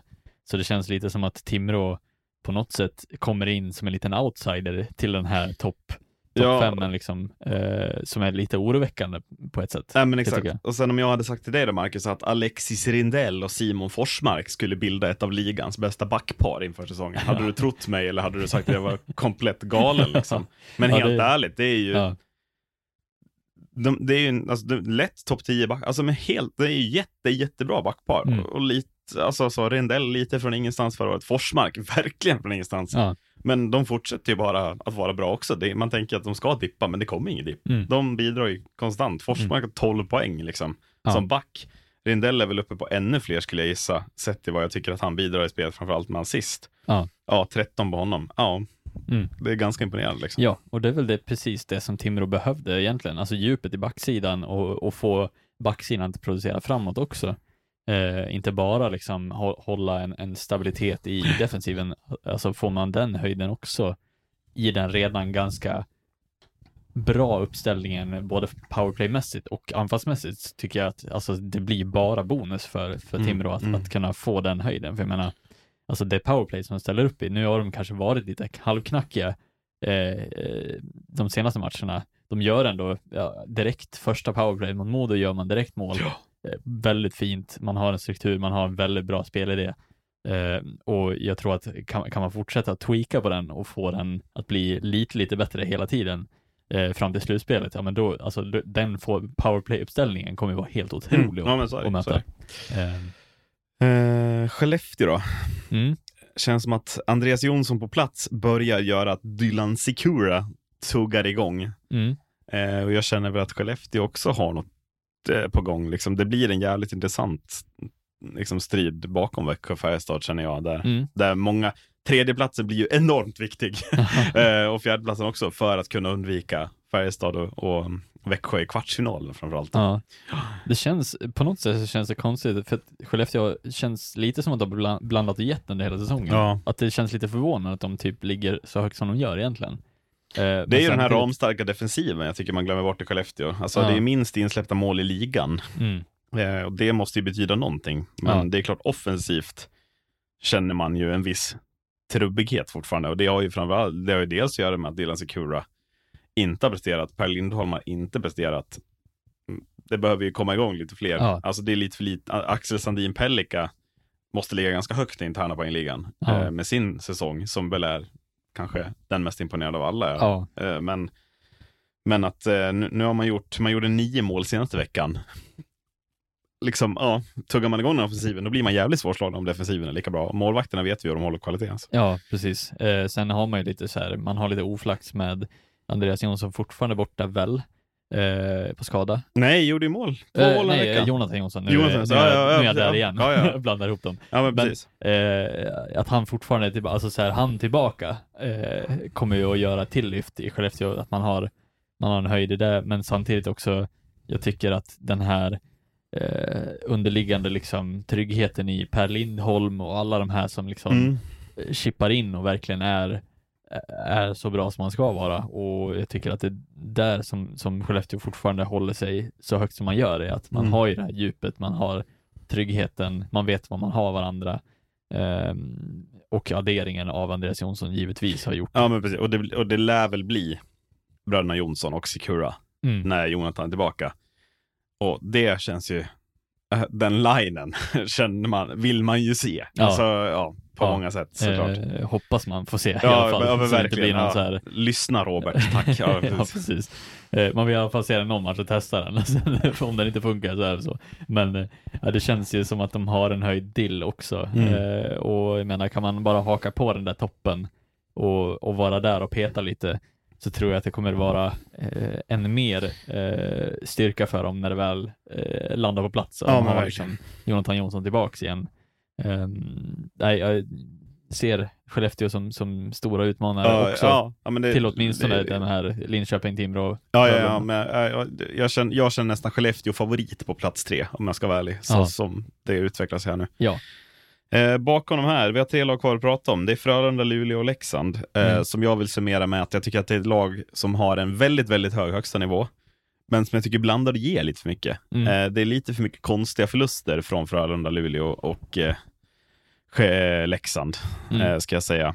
Jag vet inte, Luleå, liksom, det, det gick så himla bra ett tag, sen kom det liksom Örebro borta, torsk, Växjö hemma, torsk, Linköping borta igår, ganska utspelade i sista perioden. Ja, lite för mycket tapp, Mm. Eh, men annars jag tänkte att Luleå liksom skulle vara de som blev tre ett tag när de var som bäst. Ja. Eh, och när Omark var igång. Men eh, det, det lyfter liksom inte, man får inte igång det till kontinuitet riktigt som man vill. Nej, eh, och jag funderar lite på om, om Luleås svaghet är lite just eh, flexibiliteten Mm. i, i hur man strukturerar upp, hur man approachar varje match. Ja, För jag tror lite att man, man tänker att varje match ska se exakt likadan ut. precis. Och jag tror att där blir deras svaghet också att om det andra laget förändrar någonting som man eh, har förväntat sig av det Mm. andra laget så tror jag att man kommer få väldigt mycket problem. Ja. Ehm, och det blir, alltså Luleå har sin ramstarka defensiv. Sen har den också blandat och gett tycker jag. Eh, vissa matcher gör man det väldigt, väldigt bra medan vissa matcher känns det som att den fallerar ganska mycket. Och frågan om det handlar mycket om bara eh, flexibiliteten i, i Ja, hur, hur men- man väljer att coacha den. Liksom. Jag, jag tycker den här matchen senast nu, man förlorar igår lördag mot Linköping, är ett ganska bra exempel att det går inte att spela så defensivt mot Linköpings offensiv i form. Mm. Utan man, må, alltså, man måste hitta andra sätt ja, över matchen. Nu leder man efter två perioder med 2-1. Mm. Då kan man inte spela ännu mer defensivt tre perioder, utan man kanske måste då chocka Linköping lite, testa lite av. Jag vet inte, men det, blir, det, det är där jag känner också att det låser sig lite att Linköping pumpar på med sin starka offensiv och till sist så får man hål. Alltså Mm. om som Tyler Addy kliver upp igår och gör tre poäng. Det är inte många försvarare i den här ligan som håller honom borta om Nej. han kliver upp på sin högsta nivå. Liksom. Nej, precis. Eh, och sen är det liksom, eh, jag tycker att det är eh, lite beroende på, alltså jag tycker man, man har så väldigt mycket offensiv kraft i Luleå som man lite kastar bort genom att vara lite för passiva i Ja. vissa matcher. Eh, jag tycker att man, man kan verkligen utmana mot vissa andra lag mer än vad man gör och framförallt, alltså jag tycker att eh, Linköping, absolut att de har blivit duktiga i år och blivit liksom väldigt starka offensivt.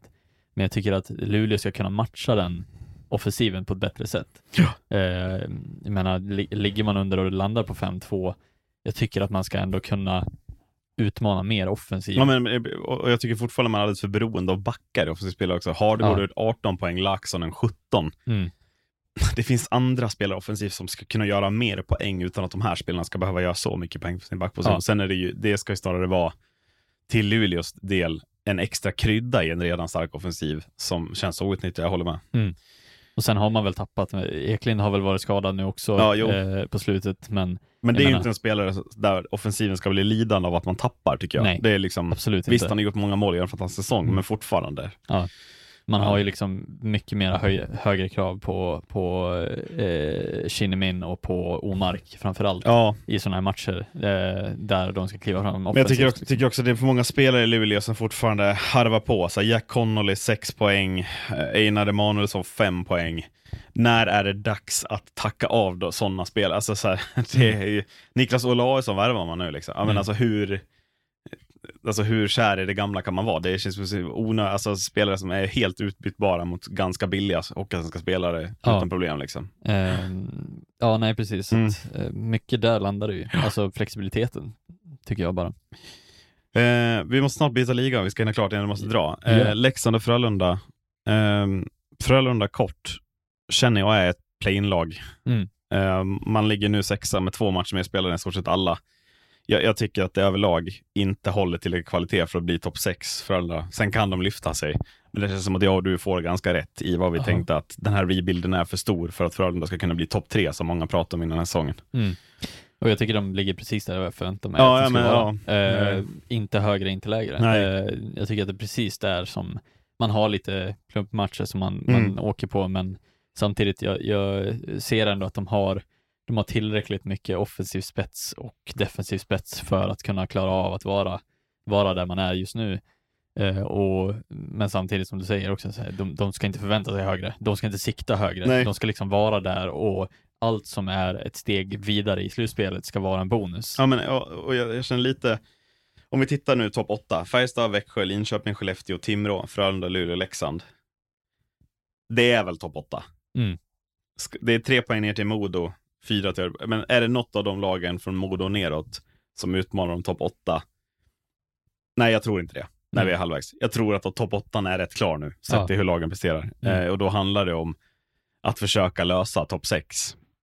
Och som jag ser det nu så känns Färjestad, Växjö, Skellefteå, de känns helt givna. Där bakom, jag ser inte Frölunda vara ett av de lagen, sett hur prestationerna ser ut. Nej. Utan jag ser snarare Leksand Mm. vara det. För att när Leksand är bra, så tycker jag att Leksand är Alltså den högsta nivån är nog fan, den är nog trea nästan. Alltså, eller Mm. fyra. Jag tycker att Leksands högsta nivå är sjukt imponerad alltså när de här spelarna kliver fram. Selari Krivik, eh, Lukas Elvenäs, Max Veronoa. Det är en sjukt kvalitet alltså. Mm. Ja, absolut. Och jag menar, jag tycker att eh, det finns så mycket gott att hämta i, i Leksand. Nu har de haft lite, alltså jag tycker att mycket resulterar i att de har haft lite otur med skador Ja, som har gjort att de har landat där de är. Jag tycker att eh, också med Hellqvist, hela den oturen också, att han försvinner mitt under säsongen. ja men det har blivit bättre känslan. Ja. Eller bara Ja, precis. kommer Efter ja. det så har det blivit bättre. Men det är absolut. också att spelare kommer tillbaks, måste folk Ja. tänka på. Kate och kommer tillbaks på backsidan Ja. är svinviktig. Liksom. Ja, precis. Och det är ju den avsaknaden som, som Leksand lite har haft, att, Mm. att ha den, eh, ha den poängproduktionen på, från backsidan Ja. också, inte bara liksom forwardsidan som är. Eh, men framförallt om vi ska nämna liksom, alltså värvningar av Lukas Elvenäs, börjar ju se ut som en av de bästa värvningarna som Ja, gjorts på ja, väldigt länge. eh, väldigt, väldigt bra värvning. Eh, och han börjar ju se ut som en av de bästa spelarna i SHL eh, stundtals. Eh, och jag tycker att det, det är verkligen någonting som, som man inte ska ta för givet heller. Eh, det är ett sportjobbsarbete som har varit fantastiskt. Eh, och sen också målvaktssidan framförallt. Alltså nu har Mantas haft lite, Ja, men, men en fråga om målsidan. Alltså scoutingjobbet för Filip Larsson är ju otroligt. mm, Men säg att Filip Larsson kommer ner i den nivå vi kanske trodde han skulle vara på. mm, Då blir målsidan plötsligt lite av ett väldigt frågetecken för Leksand. För jag tycker fortfarande inte Mantas. Mycket hänger på att Filip Larsson ska hålla sin nivå. mm, Det är väldigt höga krav på Ja. Filip Larsson i det Ja. läget han är just nu i sin karriär. Ja. Och där han kommer ifrån. Alltså om han tappar lite, alltså ska Leksand gå in i slutspel med Filip Larsson som första målvakt? mm, Jag säger nej alltså. Mm. Inget, men, men att det finns ändå lite frågetecken där om inte nivån klarar av att hållas uppe från Larsson. Ja. Kan jag tycka. Ja. absolut. Och Mantas har inte varit så stabil som, som jag hade trott i Nej, alla fall. precis. Eh, gjort lite små misstag och sådana grejer. Så att, eh, det är väl framförallt där som, som kanske blir liksom Leksands fall i slutändan. Att om inte målvaktssidan kommer upp i den höjden som, som den varit på eh, förra året med Mantas och i år med Filip Larsson så, så blir det ju det som blir den Ja. stora liksom, hållhaken på om de kommer att ha, vara med topp 6 eller inte. Nej, men kan jag precis. tycka. Det, Eh, Och, och också avgörande för hur långt man går i slutspelet. mm. Eh, ja, det var SHL. Vi tar eh, avsnittets första bumper typ en timme in och går till Hockeyallsvenskan. Yeah. Till allsvenskan Marcus, eh, där vi börjar i botten, där Östersund och Västervik kommer att mötas i playout, Mm. tror jag. Eller det, ja, det är ju alltså, det är väldigt, väldigt långt upp. Det är Karlskoga som är närmast. Mm. Men just nu för Västervik så är det 13 poäng till Kalmar på elfte plats. För Östersunds del 14. Nej men vad ska till? Att Karlskoga kollapsar fullständigt, typ. Ja, nej, alltså jag tycker det är alldeles för mycket, alltså, eh, alldeles för mycket stabilitet uppöver, eh, även om det inte är det i vissa lag, men eh, om du förstår vad jag menar, att det känns lite som att det är för, det är för bra eh, återkommande poängplock av de andra lagen Mm. för att det ska kännas som att Västervik och Östersund ska klara sig eh, från att inte smita Ja, men, äh, det, det är alltså två lag i den här ligan som efter 24 matcher inte snittar ens ett poäng per match. Mm. Kan vi bara kort benämna om hur otroligt dåligt det är? Mm. Alltså det är så fruktansvärt dåligt Ja. att inte snitta en poäng per match. Mm. Alltså, Och det är ju sämre i den här ligan för att det känns som att lagen här bör vara lite mera svå- ha svårare att stänga ner mot varandra än i SHL. ja, men alltså helt det ärligt, för att snitta en poäng per match så behöver du ta åtta trepoängare på 24 matcher. Mm. Det är en uppgift som inte kan vara jättesvår för, för, alltså för alltså det ska varje Hockeyallsvenskt klara av. Att vi har Mm. två lag som inte ens klarat av det Mm. är ju gränslöst uselt måste jag tyvärr Ja. säga. Alltså Karlskoga ligger alltså sju poäng före på 12 plats och Mm. snittar strax över en poäng per match. Det är, alltså, det är oroväckande dåligt. Ja. Alltså 14 lag är uppenbart för mycket i Hockeyallsvenskan när vi ser de här siffrorna. Ja. Det är bara att konstatera. Ja, tyvärr är det så. Men eh, Mm, ja. nej, och jag menar eh, om vi ska ta Västervik också, jag tycker att det är precis det jag förväntade mig också. Eh, Ja. Lite. Det känns som att de de har liksom ingen, de, de sticker upp vissa matcher men annars är det liksom, det finns väldigt, väldigt mycket hål i det där. Eh, som tyvärr är, är lite slutet på en era kan man tycka och sen också lite resultatet av att det var, de var på väg ner förra året egentligen och fick en gratisbiljett tillbaks. Så att, Ja, men jag, jag, tycker, Eh. för jag tycker de här lagen är liksom dåliga på olika sätt. Vä- Västervik, de är så... De, har, de, har lite, alltså de är lite Oskarshamn. mm, De har lite spets som ibland vinner matcher åt dem. I övrigt så är de bara dåliga. mm, Medan Östersund går ju bara att beskriva med ett ord, att det är totalt slätstruket. Ja. Alltså de har ju ingen spets i Östersund. Det finns ju ingen som Nej, kan vinna matcher åt dem. Det är liksom, alltså... Mm. Det- det är liksom, alla spelare gör 15 poäng typ, kommer det kännas Ja. som. Det känns som att ingen gör någonting. Så det, Nej, precis. Och då har man ändå liksom, alltså visst man tappar ju spelare från förra säsongen som var ganska tongivande, ja. men eh, också man har fått lånat eh, ganska gratis kan man väl tycka att få in Oskar Pettersson in i det här laget Mm. eh, som håller en ganska hög kvalitet i Hockeyallsvenskan. Eh, men som inte, det är väl inte en sån spelare som, som Östersund behöver kanske i det läget man är i. precis. Eh, Östersund hade behövt en spelare som var mer åt ett poängsprutarhåll, kan jag tycka. Ehm, Mm. Även om det, det är kul att vi kan hjälpas åt och låna ut spelare till varandra, men jag tycker att det blir Ja, nej, det, det, det finns alldeles för, för lite att hämta Mm. i, i det laget för att det ska hända, Ja, någonting. nej, men jag menar, det är, liksom, det är Daniel Örn och Viktor Granholm. Det är deras två spetsspelare. Och Ja. det säger väl ganska mycket, måste vi tyvärr erkänna. Alltså, Golovkovs, osynlig. Henrik Ja. Marklund var bra förra året, osynlig. Mm. Sebastian Benker, osynlig. Mm. Eh, Alltså, ja. Kalle Johansson gör lite för lite poäng från backposition också. Det är sex poäng. Mm. Eh, för lite. Ja, och Ja. Josef Ingman är inte Alexander Anderberg och kommer inte göra Nej. 17 mål. Nej, Det är bara att konstatera liksom. ja. Mm. Nej, så att eh, tyvärr så, så finns det väl ingenting annat än att... Men att konstatera att det här är playout. Ja, Nej, precis. eh, så att, ja, jag vet inte hur mycket vi ska säga om det Nej vi, nej, vi går direkt till Karlskoga som kommer att sluta i ingenmansland tror jag. Ja. Ehm, Man har lite bättre kvalitet över, eller lite bättre bredd än Östersund, men annars är det ganska liknande i slätstrukenhet kan jag tycka. Mm. Lite bättre målvakt, några lite bättre forwards, Mm. några lite bättre backar, men de var bra där en period och det här är ju så farligt. Man börjar dåligt, sen kommer man in i en period där man är bra och då tänker man att det är lite lugnt nu, men sen kommer man in igen i en, i en väldig Ja. förlusttrend här. Precis, eh, men det känns lite som att Oskar, alltså, Bickaskoga har lite bättre höjd för att utmana högre upp. Eh, De har lite bättre liksom, förutsättningar och potential till att Men, utmana men högre hur upp. mycket högre upp? Nej, alltså jag säger inte att man... Max sista play-in-platsen Ja. skulle jag säga. Ja. Precis, nej men det är ju alltså lag som framförallt eh, Karlskoga kan fokusera på känns det som att det är liksom Tingsryd, Kalmar. Nybro. Eh, Ja, men kanske. Nybro, alltså Nybro kommer inte tappa Nej. så. Det kan jag inte se. Liksom. Nej precis, men det är den, det är den högsta höjden som jag tycker att de ska kunna utmana Ja, men jag och tror att det, poäng. det är liksom. typ Tingsryd och Kalmar de kan ta sig förbi. Ja. Som det ser ut i nuläget i tabellen. Det är sex poäng upp till Kalmar, det är sex poäng upp till Almtuna, det är sju upp till Tingsryd. Jag tror inte Karlskoga, så som de spelar, plockar sex poäng på Almtuna in i mål här. Mm. S- ja, Kalmar, där ska man tappa eh, kvaliteten, liksom, alltså som nykomling, alltså som nykomlingstapp i sådana fall. Ja. Men, men det börjar kännas som att det rinner om ur händerna Karlskoga om de inte hittar tillbaks till den formen de hade för några matcher sedan heller, utan Ja. då, då lär de till den nivån och hålla den. Eh, Precis. liksom, mm.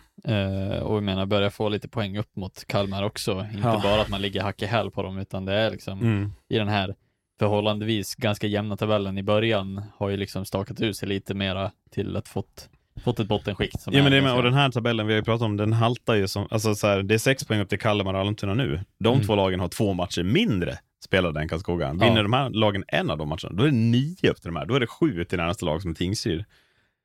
Det är inte bara Nej. att plocka, plocka sju poäng. Det är, det är det verkligen inte. Framförallt Precis. inte i botten. Så att, mm. Eh, Så BIK Karlskogas största fokus blir ju att, att undvika med alla medel man har, Ja. eh, att inte liksom tappa, Mm. eh, tappa tålamod eller tappa liksom sådana saker, för att då, då kommer det att bli poäng som kommer att plockas in av Västervik och Östersund. eh, Ja men det är det med. Karlskoga måste ju fokusera på att titta neråt och fortsätta distansera sig ditåt neråt. Ja. Här, utan, och, liksom, och sen inte titta uppåt nu, för då blir det bara farligt. Mm, och vinna de matcherna mot Östersund och Ja, verkligen. Västervik, verkligen. Ehm, Kalmar då? Charmiga Kalmar. Ja. Eller alltså lite av en charmig nykomling. Verkligen. Alltså imponerande skulle jag säga, även om de ligger där de gör, Ja. så, så tycker jag att de, de kliver in med rätt inställning och verkligen bara kör lite. och sen är det ju fascinerande att Tim Theodoridis fortfarande, alltså man tänkte att han var en liten sån startbluff, att det skulle falla efter tio omgångar, men vi är 24 omgångar in och han är fortsatt fyra i den här poängligan. Mm. Där en sån som Marcus Eriksson, alltså han är sju poäng bakom honom och det känns Ja. som att Marcus Eriksson har gjort mål assist 30 matcher i rad snart. Alltså det är liksom, ja, Ja, vilken eh, värvning. Ja, Mm. absolut. Och det är ju sån värvning som man måste sätta som ett sånt här lag. Och, och det känns ju eh, så i, i, kul och imponerande att, att de gör det och Mm. att det är ett sånt här nykomlingslag som Ja. gör, gör den typen av värvning eh, som sitter, där, där man också sitter och spekulerar, vem kommer att plocka honom eh, uppöver? För det kommer ju vara Ja, fallet men, för men, Kal- det, det li- alltså så här, Jacksonville Iceman, 38 poäng på 78 matcher. 25 på 23 i Hockeyallsvenskan. Ja, nej men Ja. från ingenstans så Mm. hittar man en sån här gubbe. Och det är så himla viktigt för Kalmar som, ja, men som väl känner att de håller på att klara sig kvar. Ja. Ja. Och det ska väldigt mycket till för att de inte ska göra det i känslan. Ja, Mm. absolut. Eh, det enda som blir, blir ju då om Theo, Kar- Theo Karidis drar till en annan klubb. Men är det så mycket på, för jag tycker det är det som imponerar mest med Kalmar, bortsett från det, är att jag tycker att man har följt på på ett bra sätt, alltså runt om där. Mm. Man har ganska bra målvakt. Kim Strömberg kommer in, 36 år gammal finne, med rutin liksom. Men han kliver in i jättebra första center. Den här Vanderbeck börjar komma igång lite, Lepaus börjar komma igång lite. Jag tycker spelarna från, eh, som man har med som division 1 gör eh, fullgott jobb liksom hela vägen. Att det finns ändå möjligheter för Kalmar. Alltså om vi tänker samma att de behöver ha ungefär 60 poäng för att klara sig. Ja, då ska de också ta på slutgiltiga 27 matcherna Ja. typ 30 poäng. Ja, men det är typ 10 segrar. Det Mm. tror jag att man har. Ja. Sen är det det som jag tycker är intressant med Kalmar är att jag tyckte att Mora löste, eller liksom hittade sättet att vinna mot Kalmar. Att när man möter Kalmar, det handlar inte om att försöka stänga ner dem defensivt eh, och verkligen ha ett bra långt anfallsspel. Det handlar om att spela som Kalmar. Eh, och, och då har man då spets i laget, alltså som är bättre än vad Kalmar spets är. Om man spelar mot Kalmar som Kalmar spelar mot, alltså då, om folk knäcker den koden, eller om lag knäcker den koden, så tror jag att Kalmar får problem. Mm. Eh, att man börjar inse att men vi kan inte vinna med 2-1 mot Kalmar, Mm. utan vi kommer att vinna. Det är bättre att försöka vinna med 5-3. Ja, så. Absolut. Eh, Tingsryd, Almtuna. Almtuna med 600 personer i snitt. Ja. Ja, det är lite kul med Kimby, men Ja. men det är det. Eh. Mårtensson out, Ja. Kimby snart out. Mm. Stålbadet som väntar Almtuna här, med inga pengar att värva för, publikintäkter exempelvis. Ja. Mm. Ja, och ny hall som står på eh, näst tur väl. Ja, men och Eh, sen lite för bra spetsspelare. Alltså Ja. Ljungcrantz, Birgersson, de här spelarna kommer ju inte vara kvar i Almtuna nästa Nej. år. Eh, ja, det är... Oh. Mm. Ja, nej precis. Och, och det känns lite som att eh, det känns lite tyvärr, alltså i, i, i möjligheternas säsong känns det lite Ja. som när det har varit lite knackiga inledningar från vissa lag så, så känns det lite, be, alltså man är lite besviken över att Almtuna inte kunnat utnyttja läget bättre hittills och ligga högre upp än vad vi gör. Eh, Mm. tycker jag är lite, lite synd. Eh, sen är det väl bara så att de, de har liksom inte medlen för att göra det. De har Nej. liksom, de har noll eh, förutsättningar för att, att plocka och hämta Ja, poäng. det här känns, lagen. det väldigt ovärdigt Hockeyallsvenskan att ett lag har under, alltså typ 600 personer i snitt på sina matcher. Ja. Eh, Speciellt när man eh, är i en stad som också har mycket bättre ja, men höjd där det för- bor väldigt många, alltså Ja. det, det, det ska gå. Mm. Ja, verkligen. Det, det känns väldigt, Ja. väldigt ovärdigt Ja.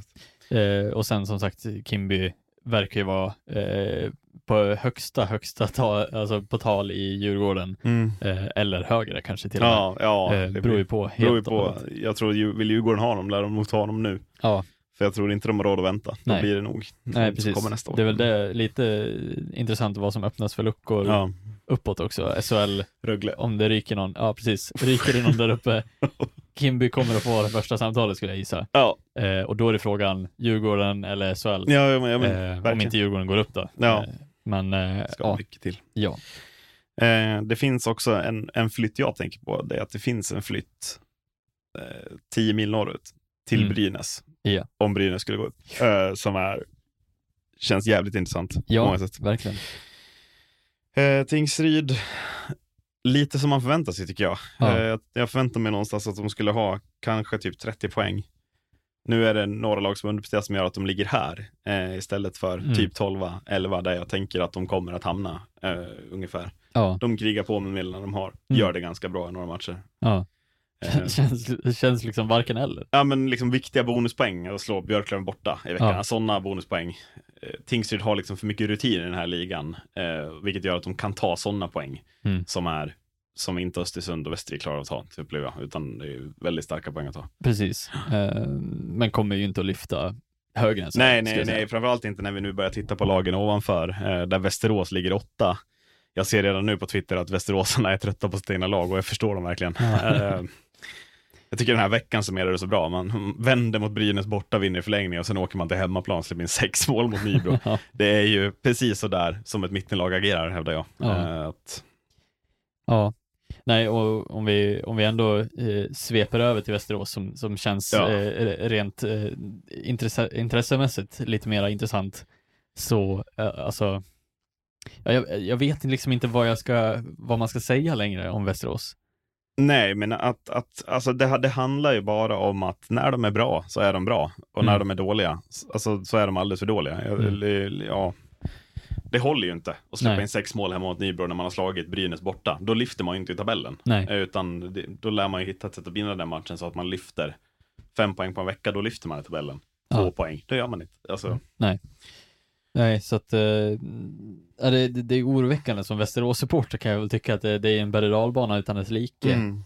eh, där man inte känner heller att, att det, det lossnar riktigt eh, framåt. Man tar sig inte högre, men det känns som att matcher som man ska vinna, det bara faller ur händerna. Ehm, sen har man ju höjden, alltså det har man ju verkligen visat att Jo men att man har gjort fjärde mest mål i ligan och ligger åtta. Det säger ju lite för mycket om, om vad som sker bakåt. Ja. alltså, mm. Så att, eh, ja, nej tyvärr. Alltså man hade ju verkligen önskat mer av det här Västerås och Ja. verkligen sett, sett dem ta chansen, eh, framförallt i år, eh, som vi har pratat om också med att vissa lag har haft en tuff, tuffare inledning och Västerås har väl inte riktigt eh, på något sätt visat att, att, man, att man ens är med och utmanar topp fem överhuvudtaget. Nej, eh, i några matcher har man ju det liksom. Ja. Eh, när man är bra, alltså 8-3 hemma mot AIK, seger borta mot Brynäs. Eh, jag tycker man visar i vissa matcher att när man är på sin högsta nivå, problemet är ju att man har ju ingen kontinuitet att hålla uppe nivån, eh, som lagen vi snart kommer till Mm. har. Liksom. Ja. Ehm, jag tycker att det blir också problematiskt för Västerås om man tittar på Djurgården just nu. Ja, man ligger vadå, hur många poäng bakom Djurgården? Två poäng bakom. Mm. Men det är ju också ett Djurgården som fortfarande lider av sviterna från Johan Garpenlövs start på den här säsongen. För att på slutet så är det vadå, en, två, tre, fyra, fem, sex, sju segrar sedan han tog över på nio matcher. Torskarna kommer båda i förlängning. Det är Björklöven borta, Mora borta. Det är inga lätta bortamatcher. Nej. Så att nivåhöjningen av Djurgården är ju, Mm.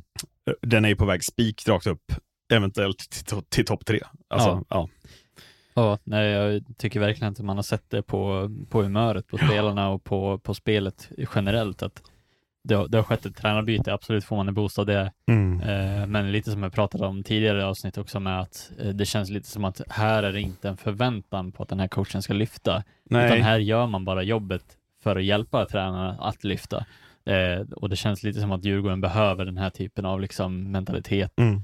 Med, jag tycker att spelare som, som Klasen ly- lyfter fram, Kryger är lika bra som han alltid är. Eh, Alltså, men också vi måste ju, vilka är första kedjan i Djurgården? ja, Vad är det första Mikael Holmqvist gör? Klasen, Kryger, Victor Nilsson. Ja.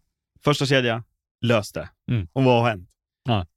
Alltså, hur svårt var det Johan Garpenlöv att förstå det här? Har vi, alltså, vi har sagt det i två år. Alltså, lös, bara- sätt ihop Kryger och Klasen. Det är, Ja. det är liksom problemlösning 1A Mm. vi pratar här, som han inte klarade. Alltså hur dålig tränare är Johan Garpenlöv? Oh, Alltså vi måste, vi måste, alltså Mikael Holmqvist har inte gjort jättemånga justeringar i den här truppen. Nej. Alltså Axel Andersson kommer tillbaka så jättebra, men annars är det samma trupp där han bara har satt ihop kedjor som är rimliga. Ja. Punkt. Och Ja. det men det säger väl också någonting om, om att om inte ens liksom, han har trott på den här Nej lösningen som Garpenlöv, men, vem har då trott på nej, den? men alltså, det, måste, det måste varit ett helt dött omklädningsrum med Ja. Garpenlöv. Alltså, det är Ehm. liksom så fascinerande att se. Ja. Att, Eh, nej, och men, liksom, och, Victor Nilsson i den här miljön, det är, jag säger det igen, det är en av allsvenskans bästa forwards. Alltså att ingen SHL-klubb har plockat Victor Nilsson. mm, Alltså det, för, det måste ju ringa, 12 klubbar i SHL måste ju ringa Ja. och fråga om han är ledig nästa säsong. ja, Alltså, för han, han kommer inte gå till NHL. Liksom. Det här är ju alltså, det är bara att ta. Ja. Superspelare liksom. ja, nej, verkligen. Och, nej, jag, jag tycker att de har gjort så vä- väldigt mycket rätt nu på slutet Ja. och, och verkligen har synts i, i kvaliteten och på viljan framför Mm. allt. Alltså jag tycker att spelet, det finns en annan trygghet i det. Eh, Ja. som man inte såg under, under Garpenlöv. Det kändes som att alla Mm. var liksom tveksamma till Nej, alla precis. former av liksom uppspel, allting. Nu känns det som att man har man har liksom hittat tillbaks till det Djurgården som man vill vara i Hockeyallsvenskan. Att Mm. man vill liksom, man vill föra spelet och man vill göra det alltså ganska rakt och enkelt och göra det alltså väldigt avslappnat. Eh, och jag tycker att man, man på ett annat sätt litar på processen i att man vet att man har tyngden. Man Mm. har liksom den här, man har spetsen, man har tryggheten i, i, Ja. i djupet också. Olle Liss kliver fram som någon form av liksom spelare som han var innan Ja, ja, verkligen. Och, och sen tycker jag också att, titta när man nu får ihop backparen, alltså Axel Andersson, Glad, eh, Hammarlund, Kevin Karlsson. Viktor Andrén kliver ju upp. Alltså jag, jag var, såg Mora-Djurgården i onsdags. Den matchen slutar 1-1 vid full tid. Alltså med två sämre målvakter i den matchen så är det 3-3, 4-4. Alltså det är, Andréns nivå är så sjukt hög i den här matchen. Och han Mm. får stryka av Ignacet som är liksom seriens bästa målvakt, uppenbarligen. Ja, Men att det är ju, alltså Andrén håller ju en nivå för Ja. att vara en toppmålvakt i Allsvenskan. Ja. Men han behöver ju ha ett försvar framför sig. Det behöver alla målvakter. Men så att man har hittat rätt där också, att defensiven blir ramstarkare. Man satt ihop bra offensiva kedjor. Ja, vad ska stoppa Djurgården med Ja. det här? Kvaliteten vet vi vad de har, lönebudgeten har de. Mm. Möjligtvis skadorna igen då. ja, ja absolut. Eh, sen avsaknaden av en eventuell spetsvärvning till. Mm. Eh, Och den fanns ju inte i Zach Magwood, Nej. som är utanför truppen just nu. Ja. Och kostar pengar. Ja. Eh, Och där har man ju ett problem att lösa, tyvärr då. Ja. Eh, För att jag ser inte honom komma in och nej, han hade ju någon, Spetsa. ja precis, han hade no, några liksom eh, prickmatcher där. Några som, fina aktioner, Ja, ja. precis. Mm. Men, men sen tyvärr så är det en spelare som inte håller över tid. Nej, nej, nej, nej. Och, alltså, vad har han? Vad har han? Tre bra matcher på den här säsongen. Ja, eh, och tyvärr håller inte det i, Nej, i sånt här lag. eh, vem vill ha honom? Nej. Ingen i Allsvenskan klarar av att ta över den lönen skulle jag tro, Nej. sett vad han är värd. Och så, Eh, de lär ju hitta någon, ta honom innan de kan värva spets tror jag. ja, absolut. Ehm, samma stad då, AIK.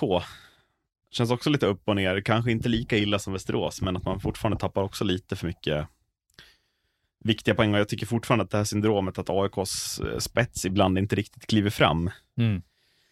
Eh, Södertälje-matchen här i veckan kändes verkligen alltså, som en sån. Att eh, man sitter på agenda, Gynge, gänget åker och gömmer sig lite snarare än att kliva fram och verkligen försöka utmana. Ja. Ja, och alltså på något sätt så ändå landar jag i att jag tycker att AIK imponerar mer på mig i år än vad de gjort tidigare år. Men det känns som att det har också mycket att göra med att de faktiskt har värvat betydligt bättre spets. Ja. Att, att det är liksom, kvaliteten finns, men att det fortfarande är det känns som att det finns mer i den där truppen Ja. att hämta. Jag menar, målvakterna har ju gjort det bra båda två. Mm. Mm. Mm. Ja, jag vet inte. Ja, nej absolut. Alltså, och sen, alltså, jag tycker precis som du säger också med att de har alldeles för många plattmatcher. De Mm. tappar poäng mot, mot enkla motstånd. Men sen, alltså jag tycker det ska bli otroligt intressant att se AIK kliva in eh, i ett slutspel eh, framöver för att jag tycker att det finns där, där har vi det här berömda motivationsläget. Där, där så här, de gör sina Ja, men- bästa matcher när de exakt. behöver. Men sen så gör de de här plattmatcherna när de inte riktigt eh, har råd med det. Mm, mm. Ehm, Och, och, och jag tänker, kan AIK över tid sluta femma, sexa, så Ja. slipper de möta alltså ettan och tvåan Ja. i kvartsfinal redan. Då kan man få testa, det, det spelet man spelade mot Modo förra året med mer spets i truppen, kan man få testa mot lag tre, lag fyra istället. Ja, då tror jag som du, det kan nog skrälla direkt där, att AIK Ja. kan ta semifinalplatsen om de håller upp det. Absolut. Precis. Ehm, känns också lite upplagt för AIK och Djurgården i kvartsfinal. Har du Ja. tänkt? Har du, har, du, har, du har nosat på tanken? Ja. Att det känns som att de lagen kan bli fyra, femma Ja. och således få möta varandra över sju matcher. Då Vilket kommer- ju blir, Ja, det är ju total gåshud bara tanken. ja, liksom. och Mm. då, då börjar man snacka så här, ja, vilka kommer vara huvudsändningarna ja, i, ja, i ja, de precis. Nej, det, det är liksom, Alltså, ja, nej, det, ja. Då kommer ju SHL, SHL-tittarantalet kommer ju att minska otroligt. ja, men jag, jag säger, jag säger liksom, smaka på den tanken, Ja. eh, kära lyssnare. Att det är högst sannolikt att AIK och Djurgården skulle kunna sluta fyra och femma i den här Ja. tabellen. Ja. Och då har vi kanske decenniets slutspels... Decenniets matchserie Ja. är det vi väntar på. Ja. Och det kan ju, ja, ja, vi vet, det kan ju sluta med allt ifrån kravaller till, ja. till, till liksom, ja. Tomma läktare. Ja men det, det, det känns som så jävla magi känns som. Ja, Eh, femte plats, Nybro. mm. Eh, som eh, känns som att de hade en liten nerperiod, men på slutet nu, det är seger mot Västerås borta, det är seger mot AIK borta, man tar viktiga segrar mot Västervik och Tingsryd. Man gnetar ju på ja. eh, och är en nykomling som kommer att bli topp åtta. Ja. Eh, för första gången på väldigt länge, en nykomling som är Ja. där uppe. Mm. ja, men imponerande är väl ordet. Alltså så här, eh, man trodde ju att det där var bara en tillfällig resa som de gjorde i början. Precis. Men, och det var det väl lite, så bra har man inte varit. Men, Nej, men precis. precis. som Modo så håller man ju som nykomling i Mm. kontinuiteten tillräckligt för att inte tappa liksom ner till astronomiskt usla siffror. Ja, och jag tycker att det är otroligt charmigt med ett sånt här lag som, som verkligen bara går in och respektlöst plockar poäng mot, mot vilket lag man känner för egentligen. Och jag tycker att man, man spelar en hockey som är väldigt eh, attraktiv också. Eh, man gör bra värvningar inför säsongen. Jag tycker att det är liksom mycket rätt, även publikmässigt. Jag tycker att de Mm. imponerar även på den punkten. Ja, det finns mycket att hämta ur det här laget och jag hoppas verkligen att det här är ett lag som, som etablerar sig och som kickar ut. Men och det, liksom. det är det som känns roligt med nykomlingarna, att eh, det är lag med publik, det är lag med lite budget som kommer upp, det är lag med liksom lite kultur i sig Mm. och samtidigt som Kalmar är lite av en ny fluga, men att det håller på att byggas något i de här föreningarna nu som känns väldigt 2023. Mm. Att man, man hittar sätt att få dit publiken, man hittar sätt att samlas kring ishockeyn och det, det kommer att föra bra saker med sig i känslan. Ja, verkligen.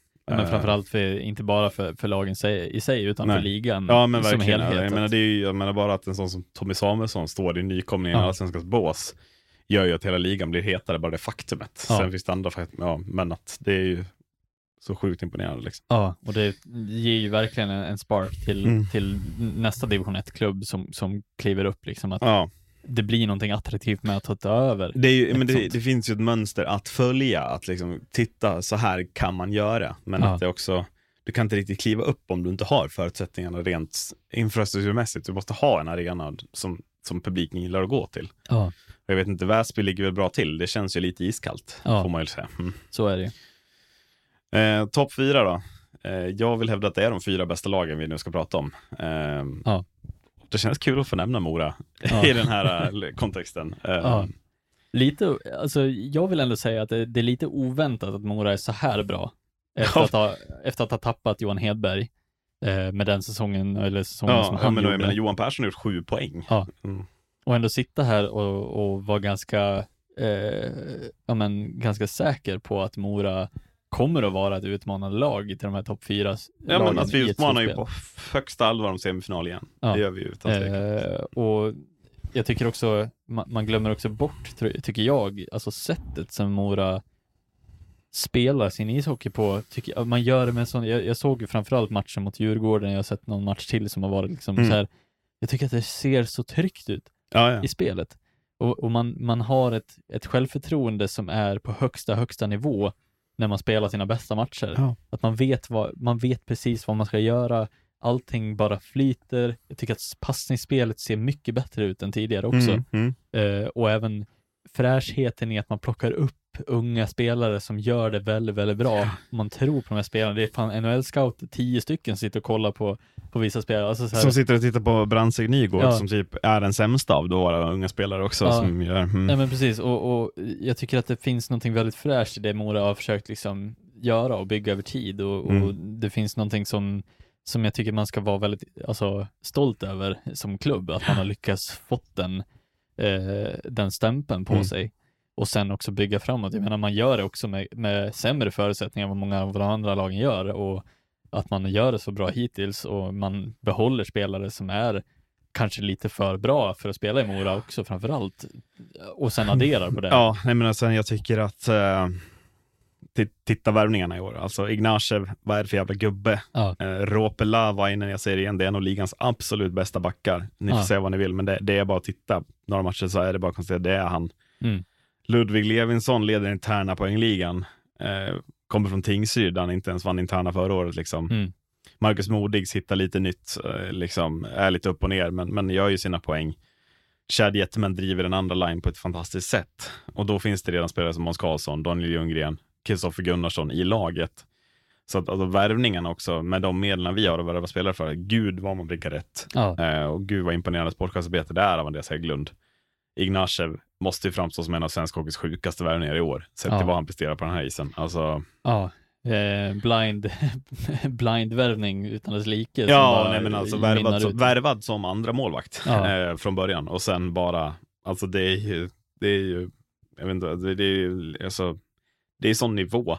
Alltså jag vet inte om, om folk tänker på det, men tittar man, men alltså, han släpper ju inte en retur. Han Mm. tar ju, alltså han håller ju allt. Det, är, det, är, det måste vara så lätt att vara back mot honom, med honom, Ja. för det handlar bara om att liksom, se till att han ser pucken, för Mm. då lämnar den honom inte när han väl får skottet på sig. Typ, Nej. liksom. Precis. Nej, det, det är imponerande på så många plan. Ja. Alltså så här, med alla värvningar och allting som Mm. man har gjort och behålla de spelare som man har, har ju varit nyckeln. Ja, nej men och sen är ju, menar, huvudbryt är ju fortfarande hur får vi Daniel Ljunggren och Johan Persson att vara bättre? För att det kommer behövas. Mm. Som det ser ut nu så, utan deras enorma poängproduktion så kommer vi inte utmana över sju matcher mot lagen ovanför oss framförallt. Vi kommer ha problem mot några av dem under oss också, men det kommer ju krävas en enorm offensiv alltså, höjning från vissa spelare att göra ännu mer poäng. Eh, så enkelt är det.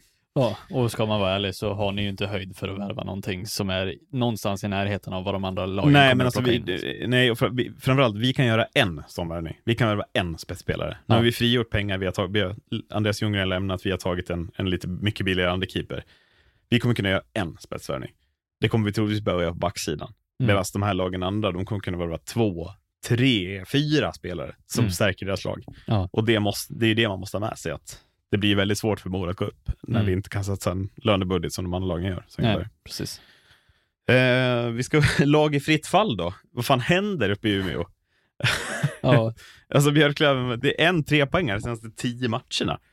Jag, jag, vet, jag, jag vet inte vad som pågår, men alltså se, senaste tiden här, det är 1-4 hemma mot Västerås. Det är för, förlust mot Brynäs hemma. Man, förlorar, man släpper in sex mål mot Almtuna borta.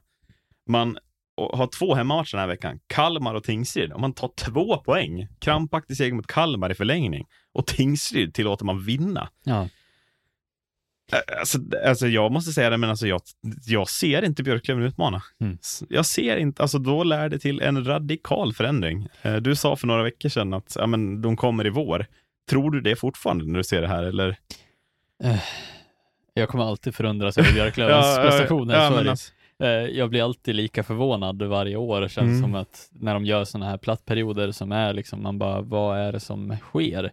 Och hur, hur kan det liksom Hur kan det vara så här dåligt? Hur kan det gå, ja precis, hur kan det gå så långt? Ja. Eh, och, ja, jag vet inte riktigt heller och jag menar det verkar inte som att Stråle är på väg bort heller. Alltså det känns inte som Nej, att det är det, där som är... det där tyckte jag var intressant. Jag lyssnade på um, podcasten Ringside, alltså Lars Lindberg, Daggen Mm. och Fredrik Söderström.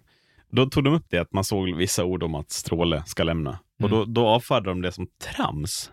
Mm. Jag skulle vilja säga att det är den tränare som hänger mest löst av alla i den här ligan. Ja. Ja. Ehm, Nu förlängde man ju givetvis också med, med Stråle ja, alldeles jo, nyligen. jag. jo, jo, men men men det, ja, det känns ju som att... var det rätt att göra i det här läget? Förlänga med honom? När inte. man ser hur det går. Alltså, är det han som ska ta upp dem? Ja, en bra fråga. Eh, samtidigt så tycker jag att under hans vingar så tycker jag väl ändå Björklöven eh, de tidigare åren sett bättre ut.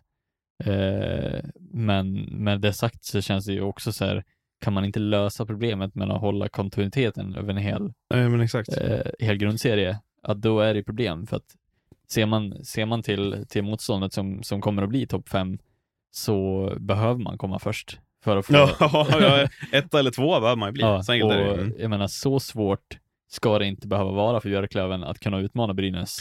Inte, inte med det, den start som man har haft och, och med de poängen som Brynäs har tagit och också tappat, Mm. så känns det inte som att Björklöven har haft otroligt svårt att hålla, i, hålla samma Ja, tempo. jag menar nu på slutet så är det ju liksom, Mm. alltså den här starten på säsongen, Björklund vann ju många matcher, även fast det såg lite sämre ut, men det är ju nu börjar ju det komma. Nu Ja. får man ju en backfire av Guds nåde med, med liksom knappt några segrar. Ja.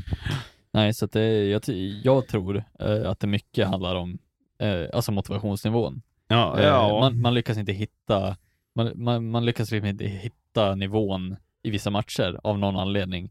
Och vad det beror på, Nej, men, det, och, det nej, vet och, och, och tidigare har ju det varit ett problem, men att man ändå har hittat tillbaks till den. Ja. Men nu tycker jag att det är över så otroligt lång tid. Nu, senaste, nu är det liksom fem raka matcher där man har tagit tre poäng.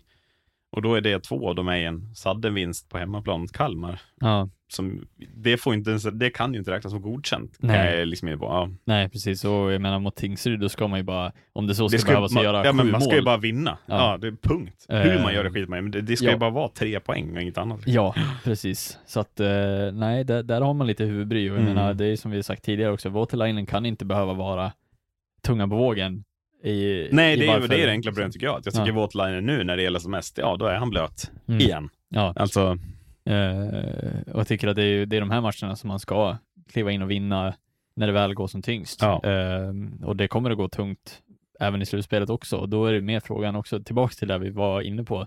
Är det han som kommer att stå där som sista utpost när Björ- Björklöven gör en platt match Mm. i slutspelet? Mm. Kommer det vara han som står på huvudet då, eller kommer det bara falla igenom? Um, alltså det är mycket det där också som, som jag tycker jag blir konfunderad över varför det sker. Och det lär ju de också sitta och Ja, men man, jag tycker man blir konfunderad också över att, att det var ju väldigt små förändringar i truppen. Mm. Eh, och det har ju bara lett till att det har blivit mer stökigt, vilket också känns så att då är det ju väldigt mycket på spelarnivå. Man kommer nog behöva göra, av naturliga skäl, men också av rent tekniska skäl, ganska mycket rockader till nästa säsong och behöva få ut lite spelare som uppenbarligen inte klarar av att, Mm. Att vara bra över längre tid. Eh, Ja. ja, ja, det är konstigt. Ja. Eh, vi går istället till andra platsen, två lag kvar. Mm. Eh, på andra plats ligger just nu Södertälje. Mm. Eh, och ja, jag eh, såg dem i fredags mot Mora. Helvete vad de är på riktigt, Södertälje. Alltså de här, det här är Brynäs främsta utmanare. Det Ja. vågar jag säga, så som det här ser ut just nu. Ja, och också så kul att det, att det landar i det eh, Till med de satsningarna Mm. som Södertälje har gjort nu på de här åren. Eh, jag tycker att de har landat så jäkla rätt eh, i vart de är någonstans. Och eh, både som klubb och som, eh, som liksom före, alltså hela föreningen känns som att de, de verkligen är med på den här resan nu. Eh, och det känns som att det känns i väggarna där inne i Scania-rinken också, att det är någonting bra på gång nu. Eh, och det hade ju varit så skönt, tror jag, för SSK att gå långt i det här slutspelet, framför allt. Ja, Eh, nej, men om man håller, alltså, man håller på att sätta sig i en position där det börjar ju se ut som att man till och med kan bli etta, tycker jag. Ehm, vi kommer ju snart till Brynäs, men det haltar ju lite där också. Ja, eh, och jag menar värvningarna man gör där, Math- Mattheus som också ser hur bra ut Ser, som ja, helst. ser riktigt fin ut. Alltså jag ja. såg ju, såg ju målet han gjorde eh, alldeles nyligen där han i princip Ja. gör det på egen hand. Och Nu skäller en hund också. Eh, det, det jag vill bara ha sagt om det målet han gör mot Mora är ju att jag tycker att det är vårt kanske sämsta försvarsingripande över hela säsongen. Men det är ju klart, alltså, han det är ju hans mål.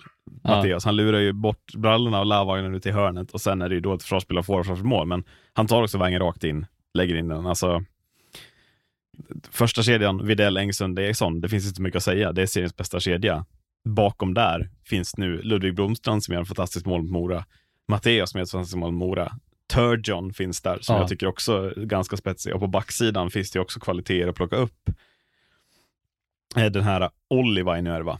börjar kliva fram som möjligt Ja. första back. Att det ser ju väldigt, väldigt bra ut, Södertälje för tillfället. Ja. Och jag vet eh, inte riktigt vad man ska peka på som svagheter. Ja, eh, och jag hade ju verkligen som, som helt neutral supporter hade ju jättegärna velat se Södertälje utmana Brynäs här eh, Ja, och verkligen ja. ta chansen. Det verkligen. Mm. Eh, sen är det ju också en fråga var det, var det hamnar, hamnar i slutspelet och så Mm. vidare. Kommer man möta Djurgården, kommer man möta AIK, Ja. kommer man kunna ta sig an den uppgiften och bara... Det, men, sen, det som jag tror att alla hockeysvenska lag redan är ganska införstådda med är ju att topp alltså, top 8 kommer bli troligtvis Brynäs, Södertälje, Björklöven, Mora, Djurgården, AIK, Västerås, Nybro. Alltså, det, kommer bli tufft redan från start om det inte sker någon, någon i play-in. Mm. Men att det kommer vara redan från kvartsfinalnivå så måste man vara beredd på att möta ett väldigt tufft motstånd över sju matcher Ja, det blir inte riktigt som förra säsongen där det fanns några lite sämre från play-in som kom in, utan det är åtta lag som är ganska bra. Eh, Mm. Och där vill man väl ha lag åtta in, som kanske är Nybro. Liksom. Det är väl det som kan ses som lite svagare, men att överlag så är det ju väldigt, väldigt, väldigt starka motståndare som man Ja. kommer stöta på tidigt. Eh, Ja, att det blir någon form av så här Djurgårdens eh, eh, fall förra året, liksom att det kommer in lag med en otrolig underdog-stämpel Mm. också utöver att så här, Södertälje och Brynäs, om de ligger etta, tvåa, att det kommer inte vara kanske bara utmaningen att, att slå Brynäs. Nej, nej men, men exakt. Eh, Och då handlar det ju om att vägen fram ska bli så lätt som möjligt. Får man då möta lag åtta och sen inte typ Björklöven i Ja. semifinal. Titta skillnad, alltså titt, vi får inte glömma för hur viktigt det var för Modo. Alltså Mora kontra Björklöven i semifinal är fortfarande det mest avgörande skulle jag säga. Att Modo Ja. har lite mer att kräma ur när match sju kommer i den sista, Mm. än vad Djurgården har att kräma ur i sista. Ja, Och det blir helt avgörande för liksom hela serieindelningen. Men att Södertälje, som det ser ut nu, utmanar ju med den formen de har, med spetsen de har, utmanar ju Brynäs på allvar. ja, Och går vi då till Brynäs så är det ju fortfarande, det är ju lite nedåt form. Mm. Alltså man tappar fortfarande märkliga poäng tycker jag. Eh, AIK borta, Södertälje hemma, eh, Östersund hemma slår man efter sadden. Man tappar mot Västerås nu i veckan. Det, det kommer lite alltså förluster här och var för Brynäs som är lite märkliga. Och överlag så är det fortfarande också två målvakter. Jag vet inte om du såg matchen mot Västerås, men mm. Lindbäck kastar bort den första. Jag tycker målet Dimitri gör till 3-2. Ja, Ignashev hade räddat den. Ja. Eh, och då hade, ja, men Ignashev i målet så hade Brynäs vunnit den här matchen efter full tid. Jag är ganska säker. Det är Ja. fortfarande, alltså det är ett sånt problem. jag vet inte hur mycket jag kan prata om det här, men det här problemet är kanske ett av de svåraste problemen ett lag kan ha, ha någon, alltså kan ha haft någonsin i, i liksom svensk hockeys historia. Att man har en av lagets dyraste spelare, en av ligans mest profilerade spelare som första keeper. Och den, det enda man måste ta ställning till är, ska vi ersätta den här personen Ja. eller inte? Eh, Ja. Och liksom eventuellt rubba hela hierarkin och så vidare. Mm. Um, det är, kon- det är konstigt, eh, konstigt läge i, för Ja. Brynäs att man ligger först. Man har höjd med poäng upp också. ja, och matcher upp har man väl och också. det känns ändå, det känns ändå som att det, det finns fortfarande frågetecken kvar. Och det är ju liksom inte så, det är inte så vanligt som vi har haft tidigare år Nej, men jag, jag tycker att jämförelsen med HV blir ju mest intressant.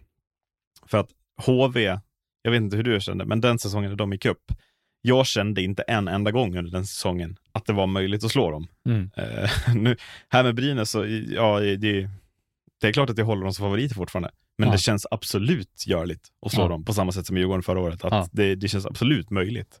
Mm. Medan med HV hade jag verkligen inte den känslan. Men att här känns det verkligen, verkligen möjligt att ta ner Brynäs. Mm. Det gör det. Och då, det är trots att man har en, en trupp som är otroligt bred och som är Ja. otroligt spetsig och det känns som att den är per, alltså, snudd på perfekt byggd eh, hittills. Eh, men att det finns en otrolig, liksom, så här, Mm. vad, vad händer om två enkla kassar ramlar in Ja. mot något av de här lagen?